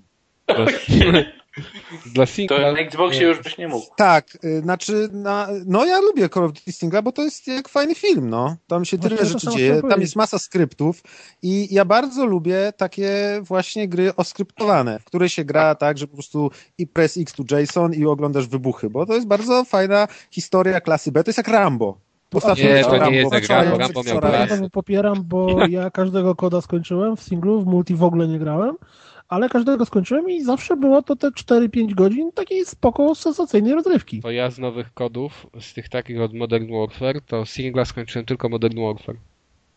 No ale nie, Black Ops skończyłeś. No nie, nie skończyłem. Skończyłeś? A nie Bo, bo, bo zapa- zapadło mi w pamięci nawet. stwierdzenie, a tam to się kurwa strzela! No bo się Ale- strzela, w sensie jest lepsze, ale i tak nie Ale Kas, że nie to wiem, czy tak- zauważyłeś, ale ty jakby w żadne FPS-y nie grasz, więc tutaj... Nie, to, że zaraz, Koda- zaraz, To, że w. Koda też A nie ten grałeś, to Call nie jest jakoś z twojej strony tutaj obraża. Call of Juarez, Call of. Juarez? A The Cartel, oczywiście mówimy o najlepszej Nie no, części The Guns- Cartel, Gunslinger. która, Gunslinger. która, jeśli ktoś Ej, pamiętamy, wcale nie jest taka zła, a nawet jest. jest. fajna. Jest nawet fajna, lepsza niż Call of Duty. Moim A właśnie, a ja miałem na przykład tak, że bardziej mi się podobały te historyczne części Call of Duty. Znaczy mam na myśli te jeszcze z czasów II wojny, a dla mnie osobiście te Call of Duty już przy Modern Warfare i tak dalej, i tam później, no bez tego klimatu II wojny światowej mi już się wiele mniej podobały. Ja nie, W klimatach II wojny Wspaniałe, jak- światowej to Medal of Honor były dobre, bo, Tak, bo no. Najlepsze były moim zdaniem. Ale dwójka ale Call of Duty też była dobra. Dwójka Call of Duty. pierwsza część też pokazała coś zupełnie No innego właśnie. niż Modern Warfare. A właśnie niż, ja zawsze Modern. Warfare bardziej ceniłem w tamtych czasach. Jak wyszło właśnie Call of Duty, wszyscy mówili, że to jest rewelacja, że to jest lepsze niż Allied Assault. Właśnie, no a niestety dla mnie cały czas najlepszym FPS-em jest na PC-ty właśnie Allied Assault, czyli ten pierwszy Medal of Honor. A później A-. A na, ko- a, A później Metroid Prime. a na konsolę pierwszym FPS-em, który bardzo dobrze wspominam. Mindjack. Nie, to nie FPS. To, Doom.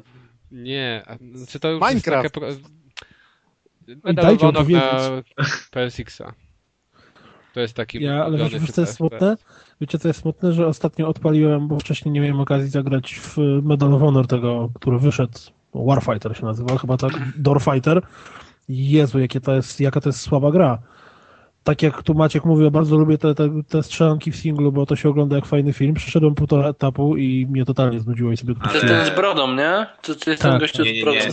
no. Tak, ja mam brodę, zgadza się. Nie, to jest... A to nie ten zwykły Medal of Honor był, ten, zbro, ten taki bez podtytułu, ten taki Tak, to był zwykły. To był A, on wcześniej, był- a ja odpaliłem tego, tego Oje, ale on był, Nie, on no był jeszcze nie straszniejszy. On był jeszcze straszniejszy. No tak, Wiesz co, ja, tamte, tamten ja tamtego zapamiętałem, że przeszedłem go w jeden wieczór. Dosłownie. Usiadłem do niego i za jakieś trzy godziny był koniec. Tam się z talibami Nie, bo- walczyło. Bo to, to, nie, to, to, było, to było Call of Duty na pustyni bez wybuchów. Czyli po prostu Call of Duty realistyczne. Widzicie, trzeba było w Call of Juarez. Descartes. A przynajmniej lepiej A jak, a jak nowy Killzone? Jak nowe wrażenia takie z tych trailerów i tak dalej? Znaczy, no ciężko powiedzieć, ale ocena, ocena, oceny są słabe. 70 Mi się, bardzo, mi, się- mi się bardzo podoba nowy trend, y, który polega na tym, że się wrzuca te takie wysoko bitrate'owe filmiki, które na przykład trwa dwie minuty i zajmuje były pół 600 giga. mega i trzeba go ściągać pół dnia, ale potem można sobie zobaczyć, jak to działa w HD w 60 klatkach. I to jest fajne, bo można o wiele lepiej to wygląda niż jakikolwiek stream na YouTubie, jeśli się chce zobaczyć No jakąś tak. grę, tak jak właśnie widziałem tego Killzona, Battlefielda 4 i coś tam Forza chyba piątka też taki jest wideo to wiesz, naprawdę można sens. zobaczyć, jak to wygląda naprawdę, bo te filmy są rewelacyjnej jakości i praktycznie wyglądają tak jak gra, są mega płynne i, i widać, jak A te one gry i tak wyglądają są trochę fajnie. No trochę Bo są, ale właśnie One i tak są troszeczkę kompresowane, więc teoretycznie rzecz biorąc na twoim telewizorze będzie to wyglądało nawet trochę lepiej.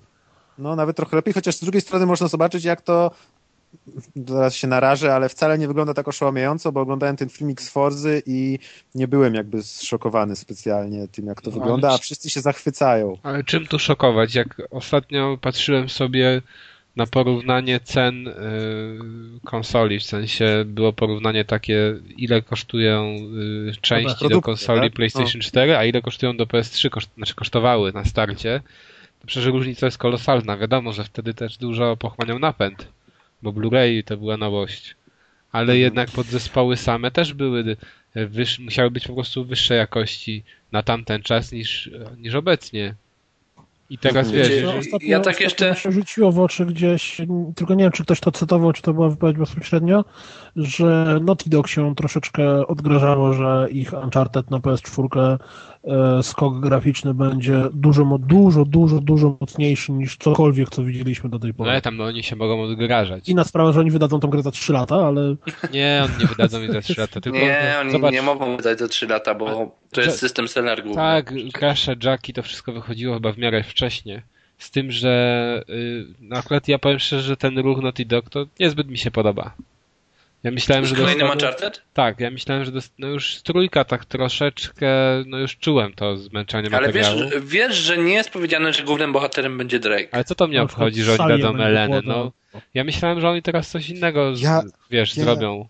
Jakie mam wiesz, piękne oni zrobili przejście. Last of Us na, na PS3, więc to było trochę coś. Łe, tam, znaczy, de, Kas, dobra, okej, posłuchaj, ale... Posłuchaj, posłuchaj ja teraz pięknie przejdę dalej, że czasami się wydaje, że seria powinna się zakończyć, a nagle po trójce przychodzi następna część i się okazuje, że To jest zawsze po o trójce wiele, przychodzi wiele następna lepsza. część. To- Tak, właśnie. Już od dawna właśnie. wiadomo, że trylogia to jest nie trzy części, a co najmniej trzy. Nie? Tylko wiesz, w, tym jest- przypadku ta trylogia to była piąta część. Znaczy ta trzecia część to była piąta albo szósta, albo nawet i siódma. Tak, i bo jeszcze. Revelations. nie? Dziesiąta już. Ale to nie o tym Nie, mówimy. Revelations. No o tym. No nie, O ja, tym. Nie łyknąłeś pię, pięknego Nie, no ja, ja myślałem, że chodzi o Slaja, bo były trzy teraz... Nie. A no tak, bo ty To o wszyscy- Slaju jeszcze nie mówiłeś. O No to Wszyscy zajarzyli. Jakby. No tak. ale będzie specjalnie o dwóch chciał Slaja ominąć, żeby się odgryźć za Call of Duty. No właśnie, też tak pomyślałem, ale jedziemy najpierw z Slajem. O nie. Nie może być. Prawie się udało, Kuldan. Cholera. To jest ta część, co jest crossbuy na. Vita i na PS3? To Tak, tak. cross... Weź mi z crossbuyem, bo miałem pecha i przypadkiem dołożyłem, bo kupiłem tę grę na przecenie jakiejś PlayStation Store i przypadkiem włożyłem do koszyka wersję na Vita. Zapłaciłem i później dopiero spojrzałem, że to jest Vita. No i nie Oj, mam Vity. Nie ogarem, no to I oczywiście, no i oczywiście zadzwoniłem, znaczy zadzwoniłem tak na infolinię, czy to jest możliwość cofnięcia jakby tego e, i zamiany na PlayStation 3, ja bym dopłacił, bo ona trochę droższa była ta wersja na PS3, no i jednak się okazało, że nie da rady, więc ostatecznie kupiłem na PS3 też, czyli przepłaciłem. O, No, ale mm, tak, y, już grę skończyłem. Co ciekawe, to jest gra mm, trochę wymykająca się dzisiejszym standardom, jeżeli chodzi o długość, bo ona to jest co najmniej kilkanaście godzin. Nie wiem dokładnie ile, bo tam chyba nie było licznika, ale no na pewno ponad 10, grubo ponad 10, może z 15. no to chyba dobrze akurat. To do, nie, to, to, to, to jest akurat pozytyw moim To zdaniem. nie jest ta długość zaporowa 30 godzin, a... Tak, to Nie jest jest, idealna gra właśnie do kupienia dzie dzieciakowi na przykład na gwiazdkę, bo on będzie się nią długo cieszył. Znaczy idealna to pod względem... Nic nie przebije Lego pod tym względem. Kupujesz grę, a potem ktoś gra w to 30 godzin. Ale no nie, no Lego to masz na przykład, nie wiem jak te nowe, bo te, ten Batman Lego tak miał, że były dialogi mówione, ale wcześniej nie. A tutaj masz tak, że właśnie są te dialogi po polsku. E, Wiesz, ja myślę, że dzieciaki teraz przede wszystkim będą chciały jednak te Skylanders od Disneya. A nie GTA 5? No, to też. Takie pięciolatki. Nie wiem, nie wiem, bo... Dobra, nie, sorry, że ci przerwałem, ale nie, nie, tak nie o wiem, co, dzieciakach co gadałeś. chciały dzieciaki, ale jeżeli ja bym był rodzicem, to na pewno bym wybrał zamiast tych Skylandersów, no nie grałem, ale z tego co słyszałem o nich, to wybrałbym jednak to, bo to jest bardziej klasyczna e, gra, która, e, no nie wiem, no chyba, że dzisiaj faktycznie nikt takie coś nie gra i te dzieciaki będą wygłupione Znaczy, są. no to jest, ta, to jest właśnie taki problem tamtej gry, że ona właśnie... No, jakbym był dzieckiem, to wiem, że jarałbym się tym jak lasy w Portugalii. Po prostu... Po prostu, no ale dobra, to odchodzimy. Nie chcę ci zejść z tematu, ale tak mi się akurat skojarzyło z gwiazdką i tak No, dalej. no nie wiem, ja bym po prostu to polecił pod tym względem dla dzieci, no ale okej, już mówiąc o samym fabule nie ma sensu mówić, bo wiadomo, że jest umowna, ale no nie... A jest zabawna chociaż? e, No ciężko powiedzieć, żeby fabuła była zabawna. No, nie jest zabawna, ale same dialogi są. E, Fabuła polega, no może trzeba jednak trochę powiedzieć, bo tam to jest dobre wprowadzenie. Fabuła polega na tym, że e, jeju, Maria, Jezus Maria, że Sly ma taką jakby księgę mhm. z rodzinną i z tej księgi zaczynają znikać różne rzeczy e, i dlatego Bentley, jego przyjaciel, wpada na pomysł, że coś tu się dzieje nieciekawego w przeszłości i dlatego te strony tam znikają. No i Sly się przenosi z całą ekipą w przeszłość i w parę miejsc takich ląduje. No i tam spotyka swoich przodków i z tymi przodkami próbuje naprawić to, co się dzieje, bo się okazało, że do przeszłości skacze też jeszcze ktoś inny. Nie wiemy kto, ale ktoś zły, który tam robi nieciekawe rzeczy i na przykład w mm, Anglii e, takich mm, okresu Robin Hooda, o, może tak, działa mniej więcej, działają roboty jakieś zamiast strażników. Poczekaj, to trochę jak w Time Splitters, nie? Coś, coś takiego. Nie no, wiem, czy pamiętacie tego FPS-a? No. Ja jarzę, ale też nie grałem, więc ciężko mi się odnieść. Natomiast y, to jest fajny motyw, bo pozwala nam się przenieść w różne miejscówki, no i naprawdę różnorodne pod względem klimatycznym i to jest na pewno na plus. No ale dobra, okej, okay, no bo Sly Cooper to jest y, seria gier, które powstały na PlayStation 2 i robiło, ro, robili je y, ludzie z tego studia, które zrobiło Infy, Infamousa, dobrze mówię? Sucker Punch? No, Sucker, Sucker Punch. Punch. Ale czekaj, bo mogę się... Chyba Sucker Punch, znaczy na 99%, bo mogę... Tak, Sucker Punch. Oni robili Infamousa, ale czy oni robili Slaya? Tak, pierwszego Slaya tak. No wszystkie trzy. No i w każdym znaczy, razie... Te główne, ale złodzieje w czasie chyba już nie oni. Trzy mówię, a wszystkie trzy na PlayStation 2. No, a, to. no i ym, w tym momencie oni postanowili się skupić dalej na tym Infamousie, a tutaj y, dali y, pole do popisu innej ekipie, która przenosiła te trzy slaje na PlayStation 3. Jakby oni byli znaczy, no, odpowiedzialni za przeniesienie tej, tej, tych trzech pierwszych gier na PS3 i można je kupić w kolekcji y, za małe pieniądze. Ja osobiście grałem na PlayStation 2 w dwie części Slaya, bodajże w jedynkę, nawet mam na półce jeszcze, w jedynkę i w trójkę. Ale wiem, że jakoś tak nie ukończyłem chyba ich. E, to, to zawsze była, tak uważam, specyficzna bardzo platformówka. Bardzo ładna, jak na, ten, na, na te czasy, no świetnie, świetna pod względem wizualnym ale jednak specyficzne, bo tutaj trochę było tego skradania, y, trochę mniej było skakania po platformach takiego stricte, jak mi się kojarzyły platformówki, a no więcej innych rzeczy. E, Wiesz co, ja tak chciałem zapytać, bo mnie Sly zawsze kojarzył się z tą taką półką jak pierwszy Ratchet Clank, jak Jackie Dexter, coś takiego. No ale no właśnie ja bym tego nie ustawił jak Jackie Dexter. Nie? Mm. To nie, znaczy ja mówię o tych, powiedzmy pierwsza część Ratcheta na przykład to była bardziej platformówka niż shooter, no nie? bo później to już zaczynało być strzelane. Ale o to, o to, co pytam, to jest to, że tamte gry charakteryzowały się tym, że bardziej się nie grało dla tej samej historii, dlatego, że były te zabawne dialogi, no i oglądało się to jak kreskówkę Pixara, powiedzmy, no nie? I czy tak samo jest ze Slayem, czy to jest zupełnie inna gra pod tym względem? Że... Znaczy, to jest taka gra, że właśnie warto ją sobie y, obejrzeć mm, też dla dialogów, na pewno, ale to nie jest gra pod względem gameplayowym jakoś słaba. Sądzę, że warto w nią zagrać, tak? Wiesz. No tak, ale ja, ja oczywiście nie twierdzę, że Ratchet czy Jack były słabe, tylko chodziło mi o to, że to, co mnie na przykład najbardziej kusiło, żeby grać dalej, dalej, dalej, to właśnie były te relacje między... No, no nie, no, ciężko mi zabawne, powiedzieć, co mnie, co mnie kusiło do tego, żeby dalej w to grać. No na pewno z jednej strony to była rozgrywka, ale z drugiej strony ta cała otoczka. Te dialogi mhm. chociażby, no tutaj nie mogę powiedzieć, że na przykład grałem dlatego, że dialogi były fajne, czy to mnie ciągnęło do gry, czy, czy z drugiej strony rozgrywka i to i to wyszło e, temu studiu Sanzaru. Studio się nazywa. Sanzaru oh. Games bodajże. No wyszło Ciekawie. i to i to dobrze. E, nie, Aha, ciężko się fajnie. przyczepić tutaj do czegoś, co by się miało nie udać, no nie wiem, no sądzę, że i to i to pcha ciebie do przodu, żebyś w to dalej grał. Na pewno Tylko też... zapytam, ile kosztuje. Nie no, tanio, no nie wiem ile teraz kosztuje, no ciężko mi powiedzieć, nie wiem. No ja kupiłem to w promocji, a pewnie około stówy w pudełku. E, natomiast tak, e, No właśnie te slaje wyszły na PS3, ja, na PS2, ja dawno grałem w nie i też ciężko mi porównać, czy tu jest na przykład dużo zmian. Na pewno chyba w jedynce nie mieliśmy możliwości sterowania bohaterami pozostałymi, tylko slajem sterowaliśmy, ale mogę się mylić. Na pewno w trójce już sterowaliśmy też Marejem i Bentleyem. E, tutaj sterujemy właśnie zarówno slajem, jak i pozostałymi postaciami. E, I to jest fajne, bo jak się przenosimy w czasie, to jak wspomniałem wcześniej, spotykamy swoich przodków i każdym z tych przodków też nam przyjdzie posterować przez moment. E, I każdy z nich ma jakąś specjalną umiejętność, która wyróżnia go na tle pozostałych postaci.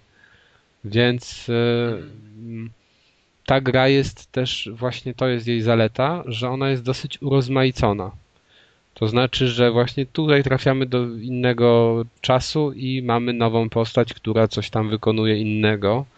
I możemy przez to w jakiś etap, momencik, no wiecie, po prostu coś innego porobić, niż cały czas slajem sterować i cały czas się opierać na podobnym schemacie. I to jest bardzo fajnie, ale generalnie to jest też taki sandbox, czyli, czyli w każdym momencie, jak trafiamy do, powiedzmy, jest pierwszy etap, to starożytna, chyba no, no nie wiem, to feudalna może bardziej, feudalna Japonia, nie starożytna, nie feudalna Japonia i tam jakby um, no mamy miasteczko otwarte y, i możemy sobie chodzić po tym miasteczku, zbierać różne y, znajdźki, y, omijać strażników, zakradać się za nich, na przykład kraść im pieniądze i inne takie różne aktywności, zbierać przedmioty cenne i to są też takie później minigry, że musisz odnieść ten przedmiot do kryjówki w określonym czasie. I to jest fajne, to zwiedzanie miast, miasteczek, które są dostępne jest naprawdę fajne, e, przeskakiwanie właśnie z jednego dachu na drugi, to wszystko jest dobrze zrobione. Natomiast clue tej gry są już etapy, do których no, po prostu się dochodzi, tam są zaznaczone zaznaczone jest miejsce, do którego mamy dojść i nie ma żadnych problemów z trafieniem i tam dochodzimy i się zaczyna etap. I właśnie w tych etapach jest y, dość duża różnorodność, na tyle y, duża, że nie miałem momentów znużenia poza jedną, y, jednym elementem. Ponieważ tam w pewnych sytuacjach mamy takie jakby konsolety, podchodzimy do tej konsolety i się okazuje, że musimy je schakować. I to hakowanie polega na trzech minigrach, znaczy w zasadzie trzy różne minigry e, wtedy występują. No ale tego hakowania to tam jest może z 30 przypadków, czyli dosyć dużo, a te minigry nie są takie znowu fajne, więc one się dosyć szybko nudzą i w momencie, gdy widziałem, że o, znowu będę musiał hakować, to takie było mech. No ale trzeba też powiedzieć, że one są, te, te e, etapiki bardzo krótkie, więc e, można to przeboleć. I to jest chyba jedyny taki element, który można tej grze zarzucić, że tego jest zbyt wiele, może zbyt mała różnorodność tu występuje. Gdyby było tego więcej, więcej możliwości, tych mini, więcej tych minigier po prostu, to byłoby lepiej. Fajnie wypada to, że sterujemy postaciami właśnie różnymi, na przykład ten, one są diametralnie różne, jeżeli chodzi o Slaja i pozostałą część ekipy. Czyli Sly jest taki łatwo się wspina po e, na przykład jakichś masztach, czy łatwo, łatwo mu przychodzi wchodzenie po dachach, tam skradanie się. Mamy Mareja, który jest takim jakby e, bokserem i najlepiej mu wychodzi e, rozbijanie tabunów przeciwników. Mamy też Bentleya, który jeździ na wózku i któremu, który rzuca bomby takie zapalające, czy, czy strzałki usypiające i porusza się generalnie po ziemi, ale no jednak te etapy z nim są e, in, znacząco inne od tych pozostałych. Podoba mi się to, że trafiamy do innego świata i nagle dostajemy na przykład etap w cyrku, który jest tylko częścią powiedzmy jakiejś epoki, ale no wiecie, no nie, nie myślałem, że akurat trafi mi się cyrk. Czyli ma, mamy taki element jakby zaskoczenia, że nagle dostajemy etap, którego się nie spodziewaliśmy. Pod, to nie jest właśnie do końca taka 100% platformówka. Tutaj jest dużo różnych rzeczy wymyślonych e, i e, ten cały miks się naprawdę dobrze sprawdza. Miałem tak, że na początku no właśnie najsłabsze chyba w tej grze jest, najsłabszy w tej grze jest początek. Takie pierwsza godzina Później zaczyna być coraz lepiej i po prostu ja miałem taką manierę, że co chwila wybiegałem myślami do przodu, gdzie znowu mnie wyśle ta machina czasowa, gdzie trafię, co tam będzie. I w paru momentach naprawdę się fajnie i mile zaskoczyłem. Grafika oczywiście wygląda świetnie. E, polska wersja językowa wypadła dobrze, aczkolwiek ja byłem przyzwyczajony do głosów postaci wcześniej, a przede wszystkim Bentleya, bo on te, taki miał najfajniejszy głos w wersji angielskiej, a w, Polsce, a w polskiej gra go koleś, który robi obecnie za Gargamela. Jeżeli, to, jeżeli ktoś y, jarzy Smurfy, bo tam ten prawdziwy Gargamel, który był chyba w latach 90. to już nie żyje, ale teraz w tej nowej wersji, tam właśnie od, nie wiem, 99 czy, czy jakoś tak, już gra go inny aktor. 99. Gra go inny aktor i y, tutaj on też właśnie wciela się w rolę Bentleya. Ale co... to nie są prawdziwe Smurfy. Smurfy w 3D to nie Smurfy. Nie, no. Co, co no mu się tak udało połowicznie. I to jest to też, że tutaj... Ale Bentley czy Gargamel? No Bentley, Bentley, że tak, no nie wiem, no tak nie do końca mi to pasuje w porównaniu do angielskiej wersji. Ale generalnie można powiedzieć, że no i wiadomo, że czasami można wyłapać takie momenty, gdzie są żarty i widać, że w angielskiej wersji one są śmieszniejsze. Że oni inaczej na przykład je skonstruowali, wiecie, bo to czasem no po prostu widać, że na przykład tu była jakaś gra słowna, a tego po polsku się nie udało oddać. E, niemniej można przełączyć sobie na inną wersję językową, ale wówczas nie będzie polskich napisów, tylko angielskie podpisy. Więc nie ma takiej opcji polskie napisy, angielski dubbing, tylko jest e, no, do, do wyboru całościowo. I tak, no to ja. Trochę dziwne w porównaniu z resztą lokalizacji. Znaczy to nie jest dziwne, bo prawdopodobnie tam dużo zmienili w tych dialogach. A, no tak, to prawda. I dlatego tam no nie dało się tego bezpośrednio przełożyć i pewnie by musieli od nowa inną wersję robić tych napisów, żeby oddać o co tam chodzi. E, no, niemniej właśnie te dialogi są też w polskiej wersji zabawne, też dobrze wypadają, więc nie ma się co jakoś bardzo przejmować. Tym, że nie wiem, że na przykład ten Gargamel trochę dziwnie brzmi. Całościowo podsumowując, to moim zdaniem to jest bardzo dobra gra, która, która ucieszy dzieci, ale nie tylko. Ja się przy niej dobrze bawiłem. Właśnie muszę powiedzieć, że mocno mnie ciągnęło do tego, żeby w nią grać.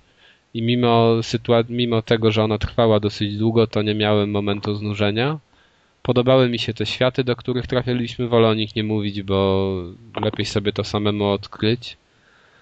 E, podobała mi się ta różnorodność. O, właśnie oprócz tego, że możemy się wcielać w przodków Coopera, to jeszcze Sly zyskuje też nowe stroje z danej epoki i każdy z tych strojów umożliwia mu nowe rzeczy. Czyli może na przykład jeden ma ta, jest jakby taki strój więzienny, gdzie masz kulę taką więźnia i tą kulą możesz rozwalać ściany. Jest, jest taki strój e, strażnika, gdzie się ubierasz i na przykład strażnicy biorą cię wtedy za, swoje, za swojego.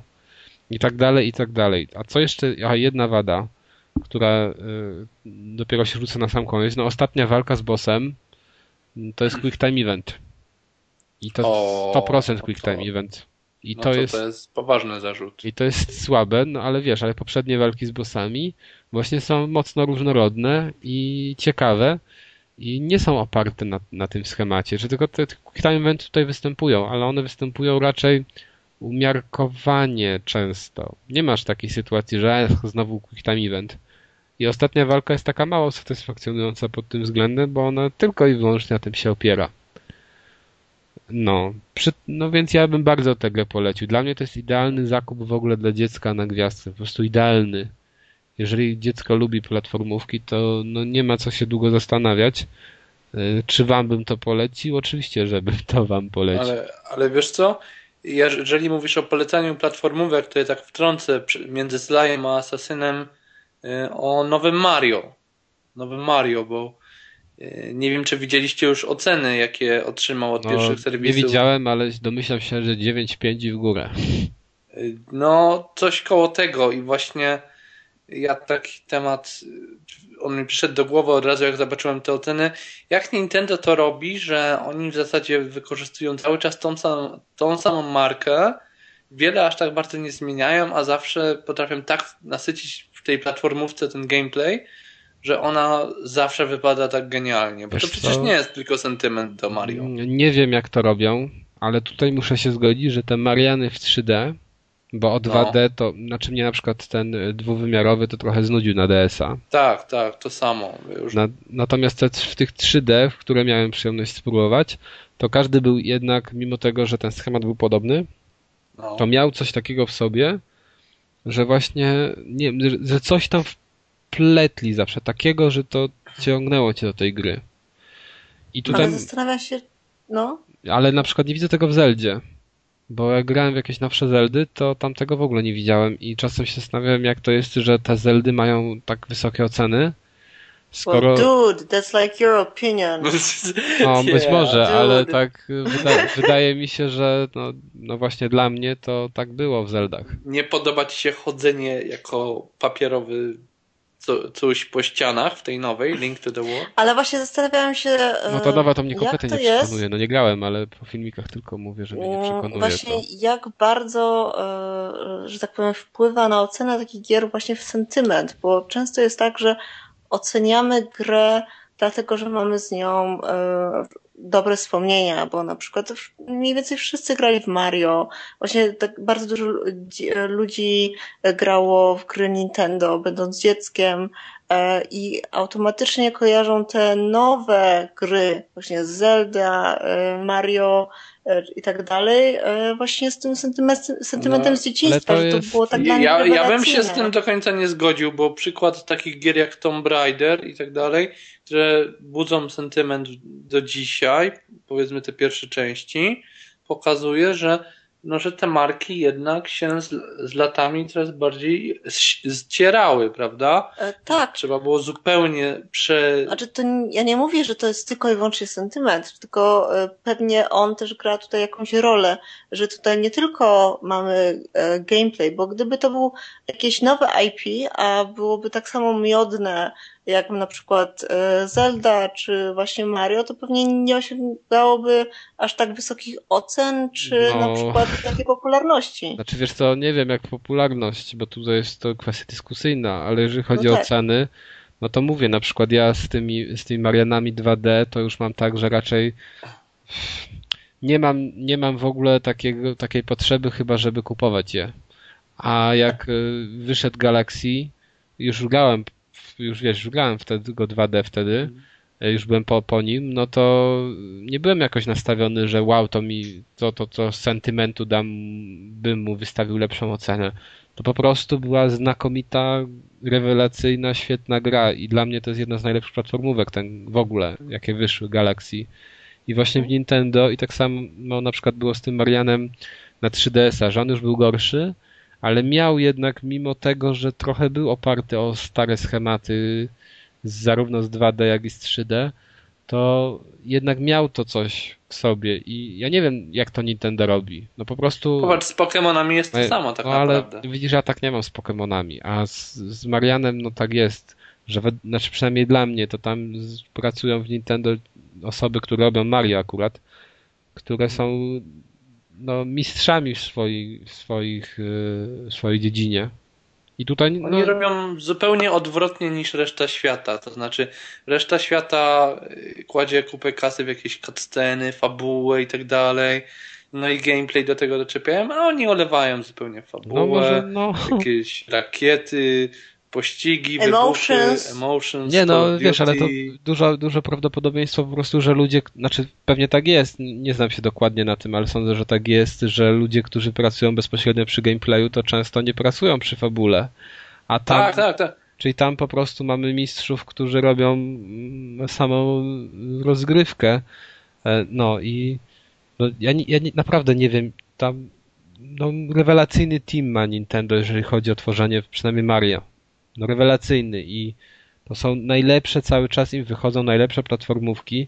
Ja nie, nie jarzę teraz w tej generacji konsol, czyli tej PS3 tam Wii i mm, co tam Xbox, lepszej platform, lepszych platformówek niż te Mariany 3D. No po prostu nie ma. na rynku znaczy, lepszych platform. Nintendo też jest to fascynujące, jak właśnie oni cały czas wykorzystują te swoje stare, sprawdzone patenty, ale mm, na przykład ja tak mam, że zawsze gram w jakąś ich nową grę, czy... O, ktoś tam w coś gra właśnie.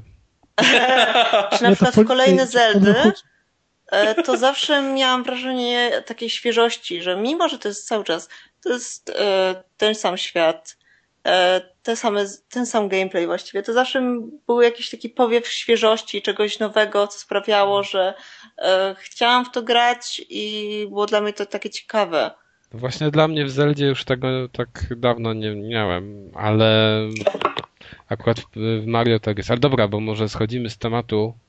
To nie, gdzie? Skończyliśmy tego Slaja, czyli ja go polecam naprawdę wszystkim, bo to jest po prostu bardzo dobry tytuł i w ogóle prawdopodobnie, jeżeli będą mieli kasę, to zrobią sequel, bo na to końcówka wskazuje. Znaczy sequel tego czwartej części. E, Wiesz, końcówka Gadowora wskazywała, że nic nie zrobią, a zrobili też, więc no. czy wskazuje, czy nie, to i tak zrobią. No nie, no, jeżeli się nie sprzedało, a chyba się to za dobrze nie sprzedało, ale pewności nie mam. Wydaje mi się, że to, to ona chyba dobrze się nie sprzedała. Zresztą ta gra jest szybko, szybko została zapomniana. Mam wrażenie, no, że tak samo ja zostanie trochę tej, trochę y, kompletnie nikomu nie przydatne do życia. Puka i to słychać. Nieinteresującej no. trivi. E, bo w międzyczasie waszej fascynującej rozmowy po, poczytałem trochę. Nintendo samo w sobie Dziękujemy. ma swój wewnętrzny no. team deweloperski, który jest podzielony na podgrupy i w zależności od tego, która to jest podgrupa, to oni się zajmują różnymi tytułami.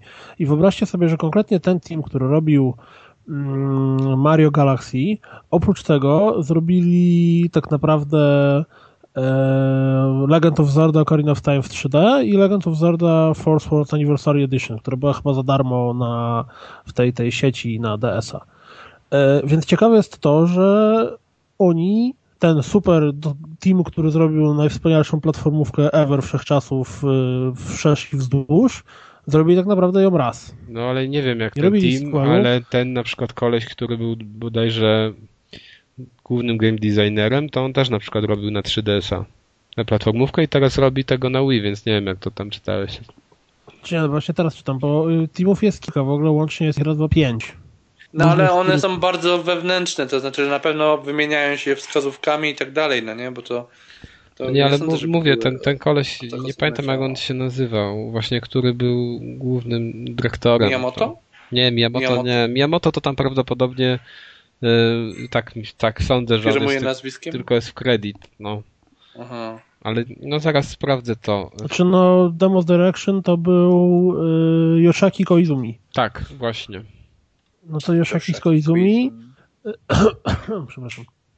No i on mm. teraz też odpowiada na przykład za tego nowego Mariana. No on jak spojrzysz w listę gier, które robił, to robił albo Super Mario, albo Zelda, tylko i wyłącznie. No nie, ale wiesz, ale Zelda, w sensie... potem Super Mario Kart, potem inną Zeldę, potem inne Super Mario, potem Super Mario 64, potem inną Zeldę Ocarina of Time, potem Zelda Link Dobra, ale... potem Smash Bros, Ej, ale... potem znowu Zeldę, potem Mario, potem Zeldę, potem Donkey Kong, no zaskoczenie, okay, no... potem Mario. Wow, no ale nieważne Piotrze, tylko mówiłeś coś takiego jakby wychodziło, że on robił tylko Galaxy, czy tam... Nie, nie, mi chodziło o cały A, team, w sensie... nie o game designera głównego, tylko mówiłem, bo, bo game designer, jak widzicie, robi nawzajemnie Zelda i Super Mario Nie, no, ale chodzi o to, że nawet jeżeli to jest team, który robił tylko Galaxy, tak mam człowieka, który, nie wiem, jest y, tak całościowo za to odpowiedzialny, no to on jednak dużo wnosi, nie? To co z tego, że to jest trochę inny tam team, czy złożony z paru innych osób, jeżeli ma główny trzon tych najbardziej odpowiedzialnych za produkcję, tych, znaczy tej samej jakby w tym samym składzie on występuje, ten, ten trzon produkcyjny, czyli na przykład ten... Znaczy, widzisz, przy Super Mario Galaxy on był director, game designer i story, a przy story Mario na 3DS-a był producentem. Czyli tak naprawdę nadzorował pracę poszczególnych ludzi z zespołu, a do gry samej w sobie, ponieważ nie zajmował się game designem, nie przykładał paluszka. Wiecie, ja gdzieś chyba kiedyś czytałem, że, że podobno Nintendo też tak nie może właśnie za bardzo powiększać tych zespołów deweloperskich właśnie przez to, że oni dość mocno właśnie szkolą tych ludzi, zanim oni naprawdę będą mogli robić te Mariany. To znaczy, to jest tak, że oni nie inwestują aż tak w rozwój, rozwój zespołu, żeby był jakiś nie wiadomo jak duży, bo ci, którzy już pracują nad tymi grami, są bardzo wyspecjalizowani właśnie w robieniu Jeśli chodzi akurat o takich gier. Super Mario 3D Land, to game designerem był Koichi Hayashida, czyli ten sam człowiek, który stworzył Super Mario Galaxy 2. O, Więc może o tym myślałeś. Nie wiem, ale Mario Galaxy W każdym 2? razie już teraz myślę, że No dobra. udaje nam się osiągnąć ujemną ilość słuchaczy, którzy są wyjątkowo zainteresowani tym tematem.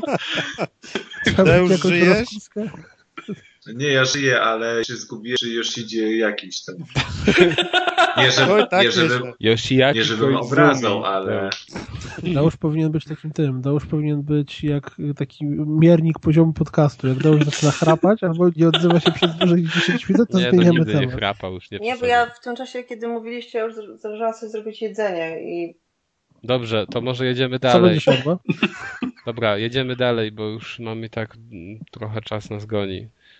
Więc panowie, co Assassin's Creed 4, mówiliśmy o nim trochę, a Maćku, ty nie miałeś okazji się wypowiedzieć, bo nie grałeś wtedy. No.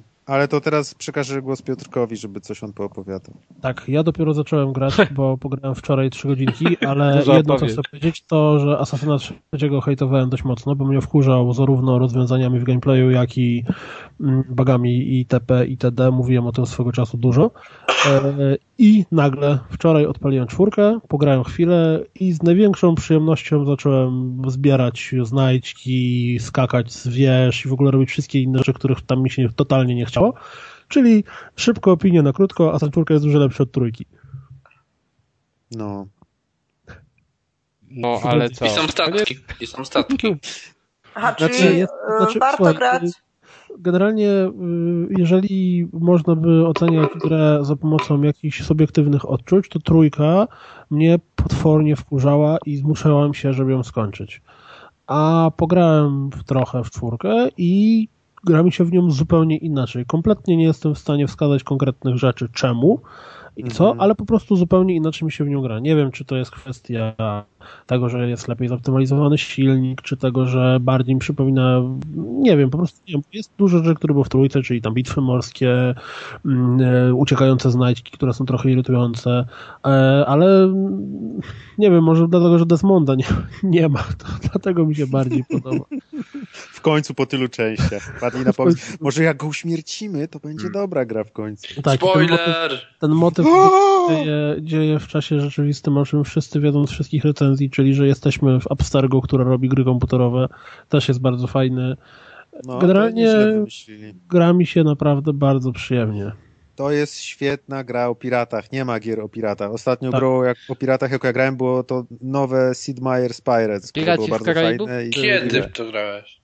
O, No jak przepraszam kiedy? was bardzo, Wiele ale powinniście sobie zagrać, jeżeli chcecie fajną grę o piratach, w Towards 2 Pirates of the Flying Por- Fortress. Ojej, Niga, jest- please. Nie. To nie. akurat to nie ten Dodatek gier. piratów. Może jeszcze Wizena mam grać. O, Nie, ja no, ale akurat dodatek Wizena. o piratach był bardzo zabawny. Bo fabuła była taka pythonowska troszeczkę. Gorzej, że sama gra nie jest zabawna. Może i dodatek jest, prawda? Ale, Ale włączyłem ale najgorzej, że się doinstalowuje do gry, prawda? Ale słuchajcie, włączyłem sobie Lizena 2 i y, ja mówię i, na konsoli. I po prostu Czemu spojrzałem. włączyłeś Rizena 2 na konsoli, Kupiłem. jeszcze zaczniesz kontynuować? Bo, bo, Co? kupi, Czemu kupiłeś Wizena 2 na konsolę? bo był w promocji. W każdym razie Ale ile kosztowało? 5,99? trzy dychy. 2,20. Na PS... Do pierogów. Ja. Ale słuchaj, za dużo, nie? Ale No trzy dychy to książka, to... wiem, wiem, ale odpalam. Odpalam i, i pierwsze moje skojarzenie. A to blue screen. Jakie to jest brzydkie. Po prostu tragicznie brzydkie. O, o to, żeby się trzymać tematu, odpalam Assassina 4 i jakie to jest ładne. No dobrze. I, No. Wiesz, i sprawdzam po necie, tak specjalnie mówię, zobaczę sobie recenzję, co oni o tym piszą, czy wymieniałem to jako wady, że ona jest po prostu katastrofa pod względem grafiki, a tutaj czytam ładna grafika, bardzo fajna grafika i, i, i sam nie mogę uwierzyć w to, że recenzenci pisali, że ta gra jest ok pod względem wyglądu. Może telewizor ci się zepsuł. No, Jeżeli o, ona jest po prostu jeżeli tragiczna. o piratów chodzi, to w najbliższym czasie też do, dla konkurencji od, y, do Assassina, no to nie wiem, czy słyszeliście o Raven's Cry. Nie wiem, czy słyszeliście taki tytuł? Może? Nie. Nie, ale to też, to też ma być taka mroczna piracka gra. Ale to tam Blueport im nie robi. Nie, nie, nie, to robi Reality Pump.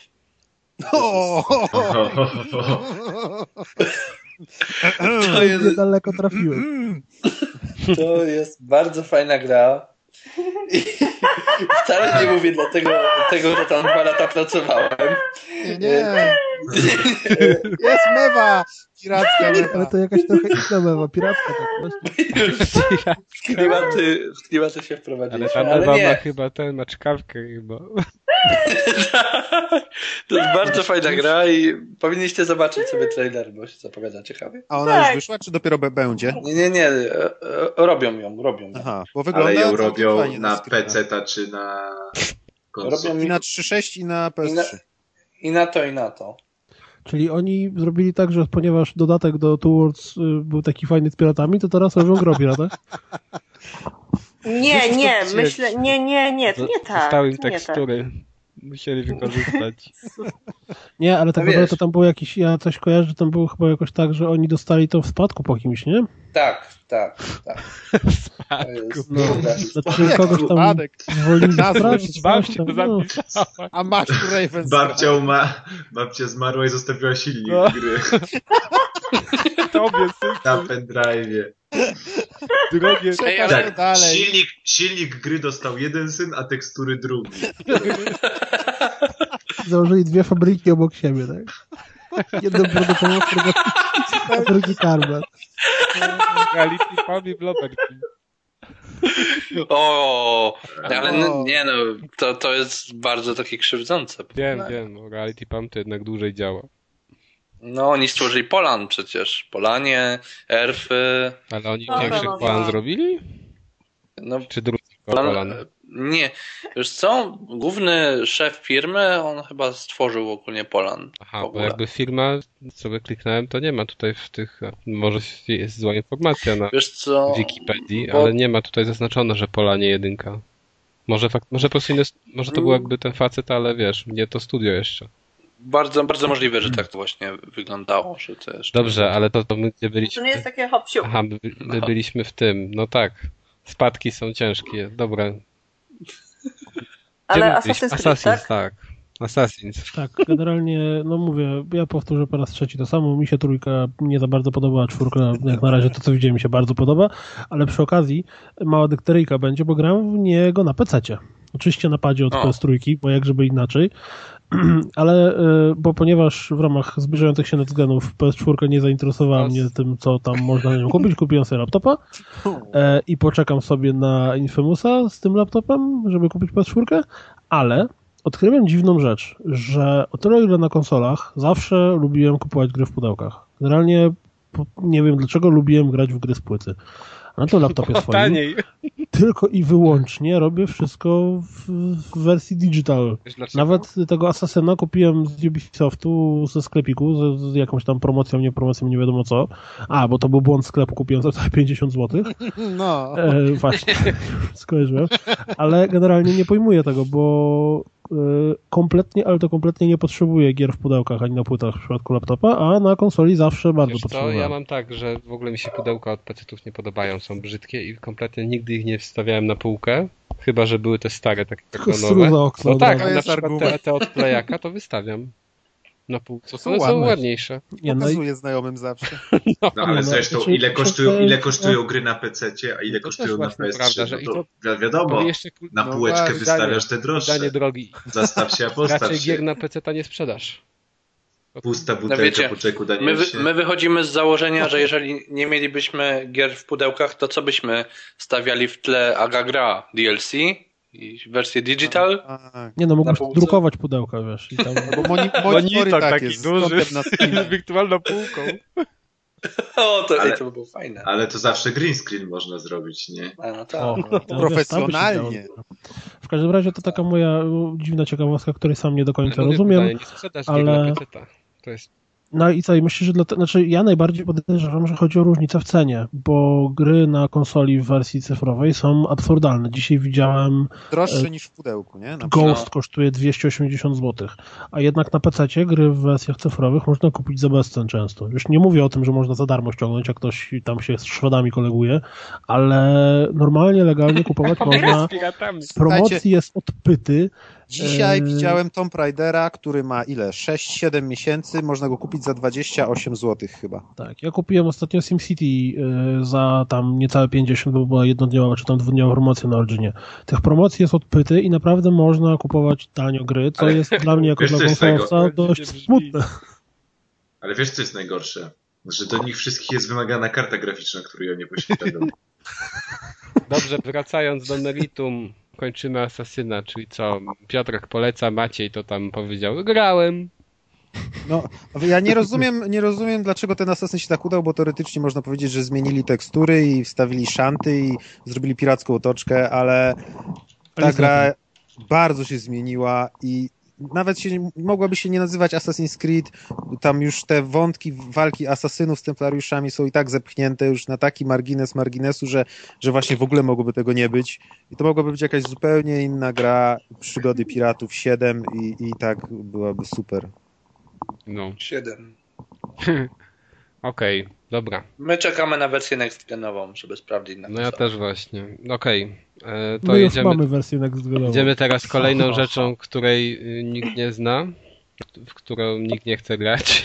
Czyli teraz sinusoida może zechce. znowu spadnie ujemnie? Tak, znowu będzie na minusie. To my bardzo krótko i bardzo szybko o Corpse Party.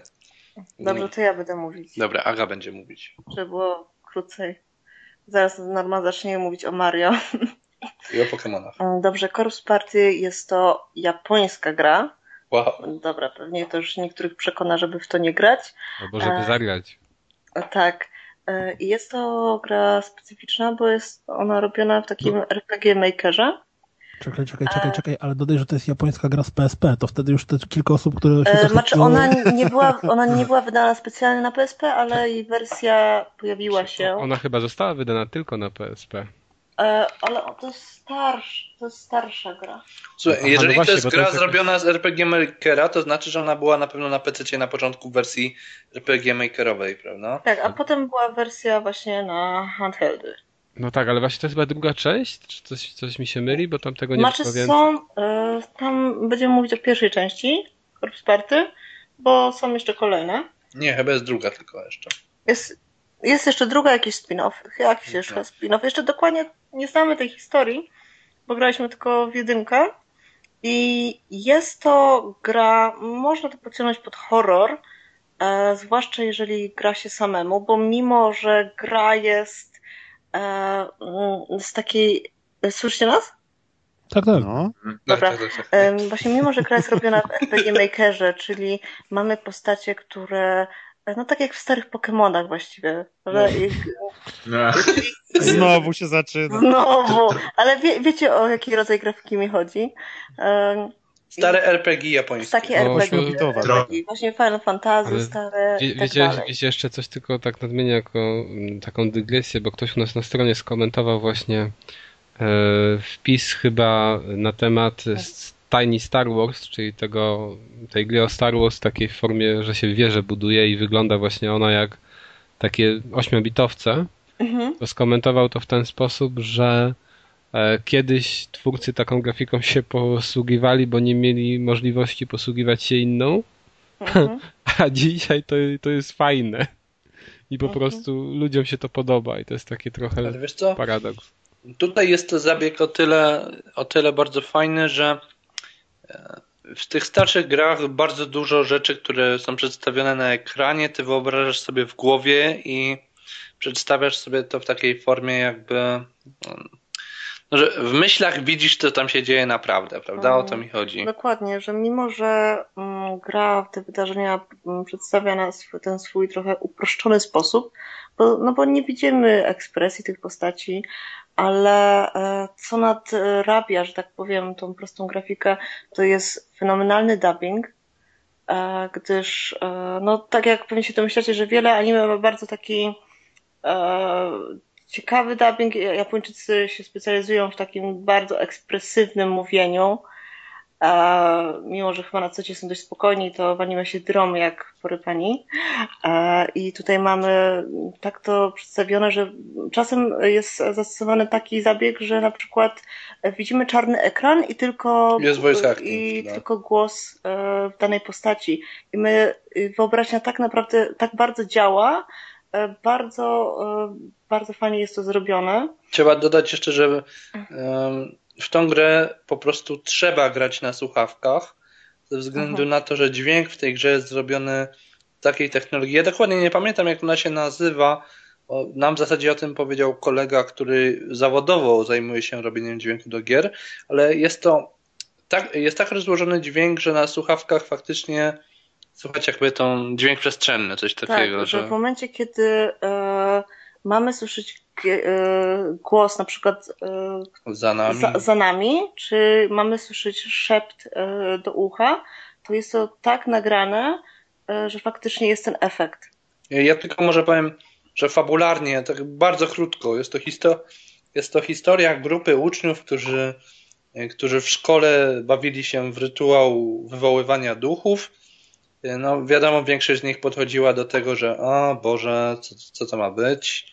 że, no, że jasne, że bzdury totalne, no ale przy takim jednym rytuale przez przypadek faktycznie przenieśli się do jakiejś, do jakiejś szkoły, która faktycznie, w której faktycznie straszy. Ale nie jest to, nie jest to straszenie w rodzaju filmów klasy B, czyli powiedzmy, no, ludzie, ludzie giną w idiotyczny sposób, tylko, tylko to, co się dzieje w tej szkole, cały klimat tej szkoły, E, przedstawione przede wszystkim, tak jak Aga mówiła, za pomocą dźwięku, powoduje, że grając samemu faktycznie można się bać tego, co się dzieje, tak. każdego skrzypu, skrzypnięcia, każdego szeptu, który słyszymy na korytarzu. Dokładnie, bo ja na przykład zaczęłam grać tą grę sama e, w nocy, no i muszę wam powiedzieć, że czułam bardzo duży dyskomfort grając tą grę. A w momencie, kiedy już e, na przykład zaczęliśmy razem grać i nie na słuchawkach, to mm, faktycznie oczywiście. Czar trochę pryska. E, czar trochę pryska, już się tak człowiek nie, bo, nie boi, ale mm, na przykład jak rozmawiałam ze znajomymi, którzy w to grali, e, oni twierdzą, że ta gra nie jest tak naprawdę straszna. Ona jest niesamowicie dołująca. Taka Depresyjno-psychodeliczna. Tak, jest to y, fakt, że... Na, tak, że Terezja na tym. Tak, że jest... po przejściu tam, bo, tam, bo ta gra jest po, po, podzielona na chaptery, że po przejściu jednego tam dwóch chapterów e, ma się tak niesamowicie zły humor, e, bo ta gra jest bardzo, bardzo brutalna. E, I naprawdę to może troszkę oddziaływać, znaczy trochę albo bardzo oddziaływać na naszą psychikę nie gramy w jesienne, deszczowe wieczory. O, nie gramy.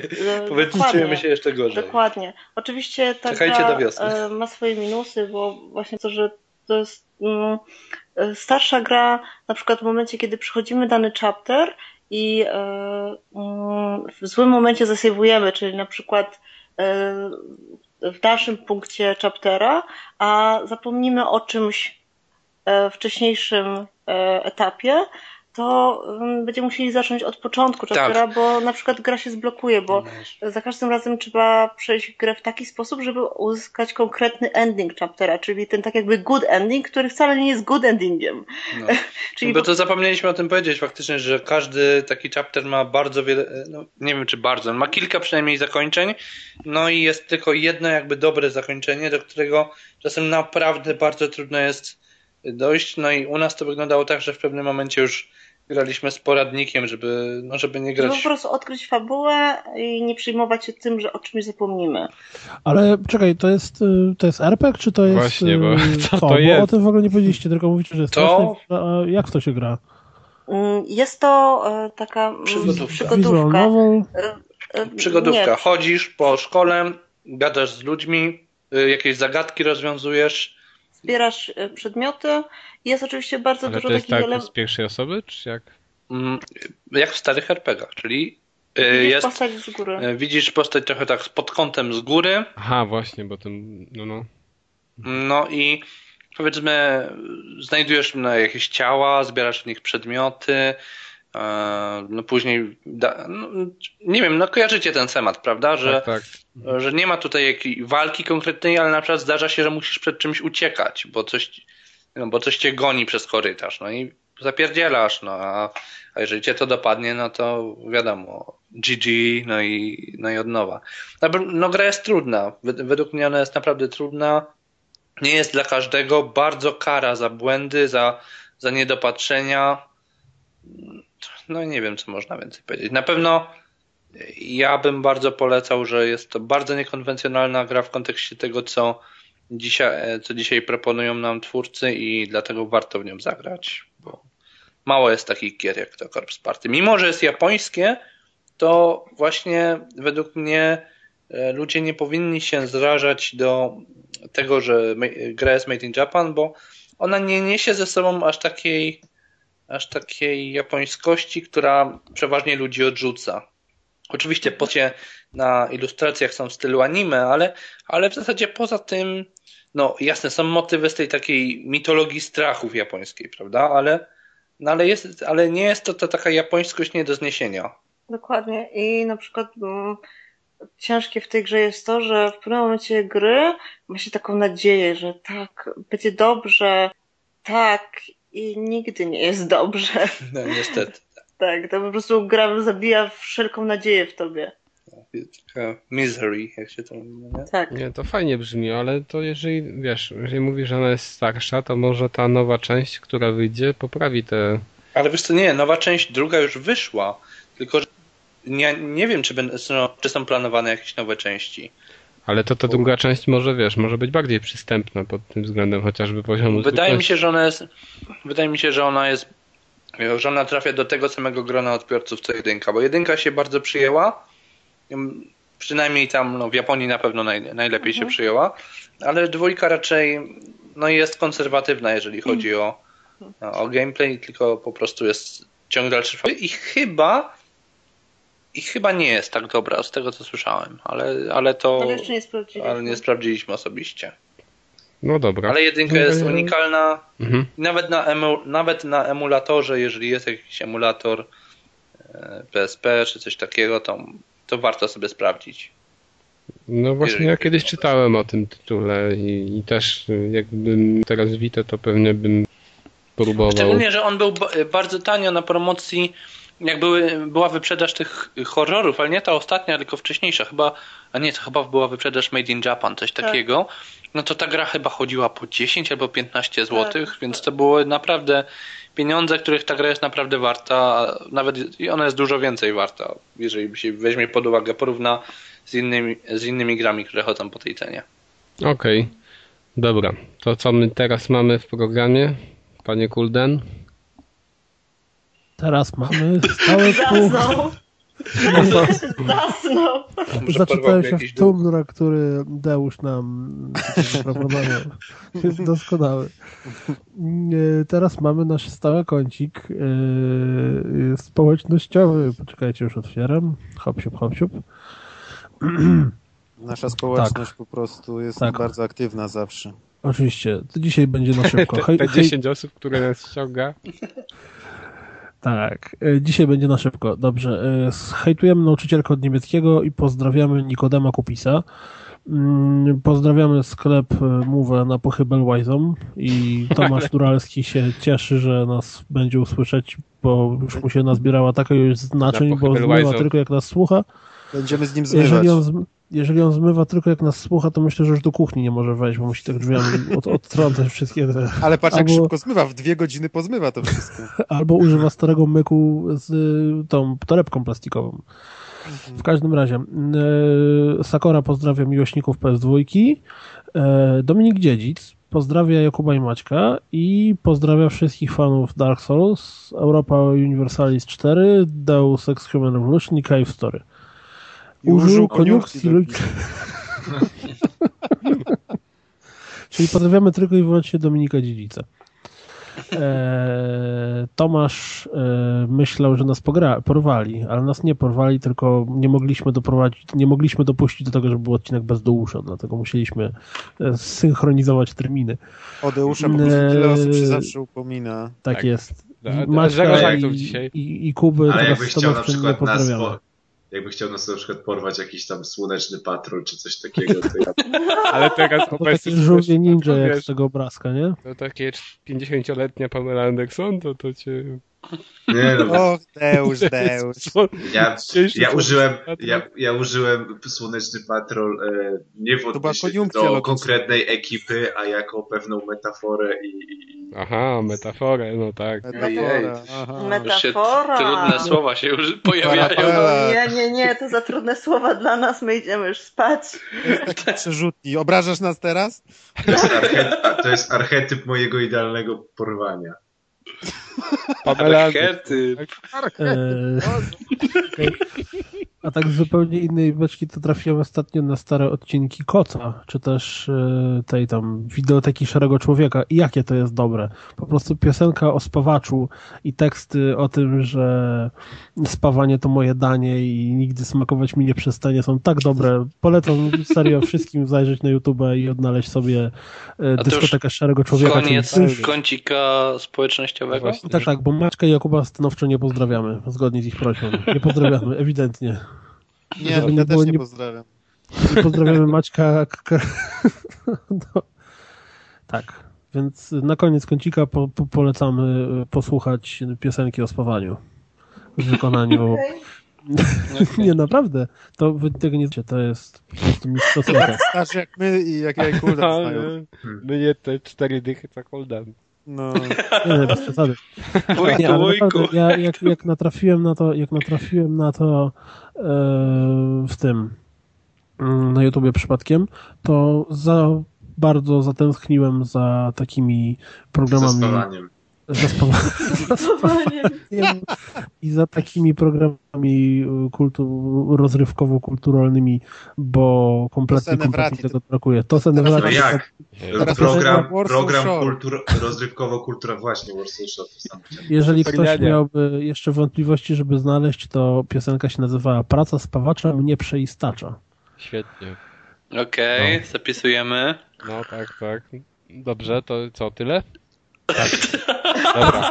Już po, powiedziałeś, co chciałeś? Nie, jeszcze mam coś, jeszcze coś powiem, co chcę, bo chciałem powiedzieć odnośnie, znaczy o książce w kąciku parakulturalnym, tak to może nazwiemy. E, Książka się nazywa e, TM Semik, największe wydawnictwo komiksowe lat 90. w Polsce. E, Jest dostępna bodajże tylko w 400 egzemplarzach, więc warto się spieszyć. A właśnie, no, czy warto się spieszyć z zakupem, czy w ogóle warto ją kupić?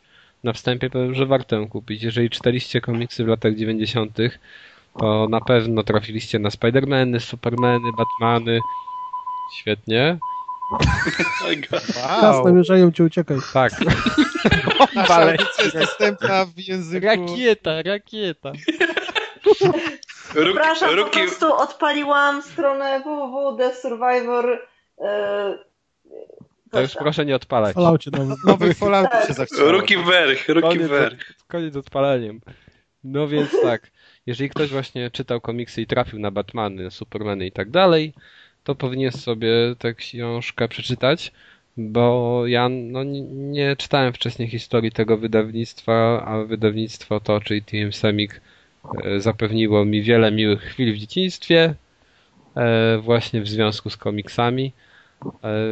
Tutaj w tej książce e, facet, który to pisał, dotarł też do mm, bodajże jednego jedn, redaktora, już nie pamiętam teraz dokładnie, czym on się zajmował w tym wydawnictwie, ale jedna z tych osób na szczycie e, i właśnie z nią rozmawiał e, o samym wydawaniu komiksów w Polsce w tamtym okresie. Też dużo tu jest materiałów oczywiście z internetu, z różnych stron poświęconych komiksom. Niemniej nie, czyta, nie, nie znalazłem później właśnie tak kompleksowej e, e, pracy na ten temat, więc e, no, chyba najpełniejsza historia, jaka Semik, jaka istnieje w tym momencie, to jest. Dodatkowo bardzo fajny jest rozdział początkowy, w którym autor pisze o sytuacji amerykańskiego komiksu mm, przed latami 90. XX wieku.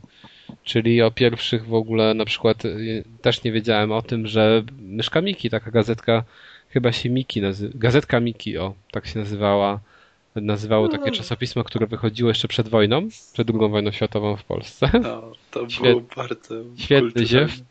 No i, A Kulturalne. Jezu, to było słychać? No, a nie? No, No,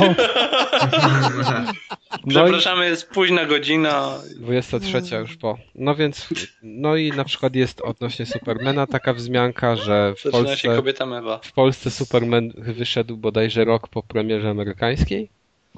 Nazywał się Bushman i ten Bushman urodził się bodajże w Kaliszu, czy nie, ale to był. Bushman, żeby, żeby do Burza, jak RZ, burza, Tak, przez nie RZ, taki tak, Bushman tak. z krzaków. Tak, ale nie Burzaman, tylko Bushman. Jeju. będę od burzy.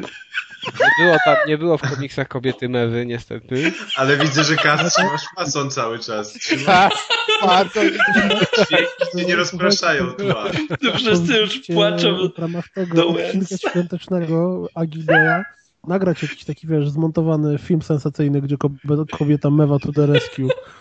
Wiesz, wyskoczysz Do przez mocy okno tam, Pythona prędzej. na Nowej Hucie Tak to jak- znalezienie jakiegoś... O, news. Poproszę jakichś chłopaczków, żeby mnie zaczęli gonić. No ale A Monty dobrze, okej. reaktywuje podobno, wiecie? Dzisiaj Wróćmy do komiksu. Okej, y, no, wróćmy do tego, bo już chcemy kończyć, no, państwo. No więc tak. Bardzo fajna książka z wieloma ciekawostkami na temat komiksowego świadka w Polsce, o tym jak tworzono w ogóle, gdzie były produkowane te zeszyty, jak były wydawane, dlaczego taki, a nie inny papier, dlaczego takie, a nie inne tytuły się pojawiały, bo bardzo często ludzie zarzucali, że na przykład e, wychodziły serie, które nie są ciekawe, a tutaj ta książka pokazuje, jak to dokładnie z tym było. E, Jest też analiza rynku, konkurencji w tamtym okresie, kiedy działał TM Semik. E, Pokazane są wydawnictwa, które działały już, znaczy omówione są wydawnictwa, które działają już po tej, e, po, po, po, po właśnie tej spółce, znaczy po śmierci tej spółki. Jest też rozdział, w którym autor poleca jego zdaniem najfajniejsze komiksy, które właśnie to wydawnictwo wydało. A mówiąc szczerze, bardzo dużo ciekawych e, zeszytów się pojawiło na polskim rynku. Między innymi Zabójczy Żart, chociażby z Batmana, jako pierwszy bodajże komiks z Batmanem wypuszczony w serii, bo tam jeszcze wcześniej wyszła ta ekranizacja filmu. Ale e, no, no, no właśnie dużo innych takich komiksów, i, które można kupić na Allegro i fajne jest takie zestawienie, które pokazuje za które tytuły warto się wziąć. Em, Oprawa tego jest no zwyczajna, nie można powiedzieć, że jakaś świetna mm, czy lepsza. Papier jest taki dziwny, taki jakiś, no, no nie wiem, specyficzny, ale jest dosyć gruby. Czyta się to w ogóle bardzo szybko, ja przeczytałem przez jeden dzień. Bardzo polecam, jeżeli ktoś właśnie czytał kiedyś komiksy w latach 90., y, właśnie takie superbohaterskie, k- jeżeli się tym interesuje, to to jest właśnie książka dla niego. I tyle o niej. Jeszcze raz tylko powtórzę tytuł. TM Semik, największe wydawnictwo komiksowe lat 90. w Polsce. Czyli Okej. co, Tylko- I sprzedaż Ale też- tylko internetowo, nie? Tylko... Znaczy ja, ja nie, nie tylko, ja kup, gdzieś tam na stronie jakiejś znalazłem, nie, nie pamiętam na jakiej zestawieniu, w jakich księgarniach można ją znaleźć w danych miastach, A, czyli ona jest w księgarnia, myślałem. no, ale nie wszystkich. Tam mówię, Mhm. nie pamiętam teraz jaka to była strona, może to strona wydawnictwa. To co, wniosek jest tego taki, że Polsce tych zachodnich komiksów się po prostu sprzedawać chyba już, już nie opłaca. Nie? No właśnie, tam jest też analiza, te, analiza. Jest takie pytanie postawione, czy kiedyś wrócą takie czasy, że tych zeszytów będzie się ukazywało dużo. No właśnie rzeczywiście, kiedyś to tak było, że w każdym kiosku było, nie wiem, 8 serii przeróżnych czy coś, No od tak.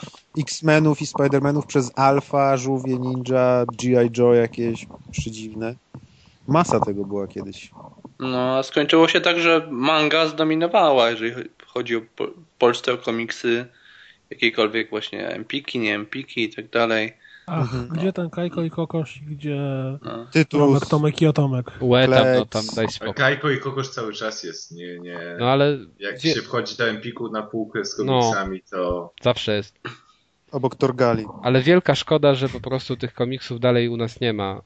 E, I szkoda, że ta firma upadła. No, ciekawe, co by. No bo tam pełno było takich błędów popełnianych już w późniejszym czasie, bo przecież oni upadali, w zasadzie tak można powiedzieć na dwa, na, na raty, tak. ale ten pierwszy... Oni, oni upadali na jakoś 2000, 2000 no, ale nie, roku, nie? Ten... właśnie to na raty było, bo oni jakby zaprzestali wydawania regularnych serii w 98 albo 9 albo 8 i później tam pojawiały się tylko pojedyncze zeszyty i w ogóle firma nawet zmieniła nazwę i tak dalej. Czyli tutaj było takie dwoiste, ale największe problemy pewnie były ten 9.8, kiedy właśnie już serie się nie ukazywały.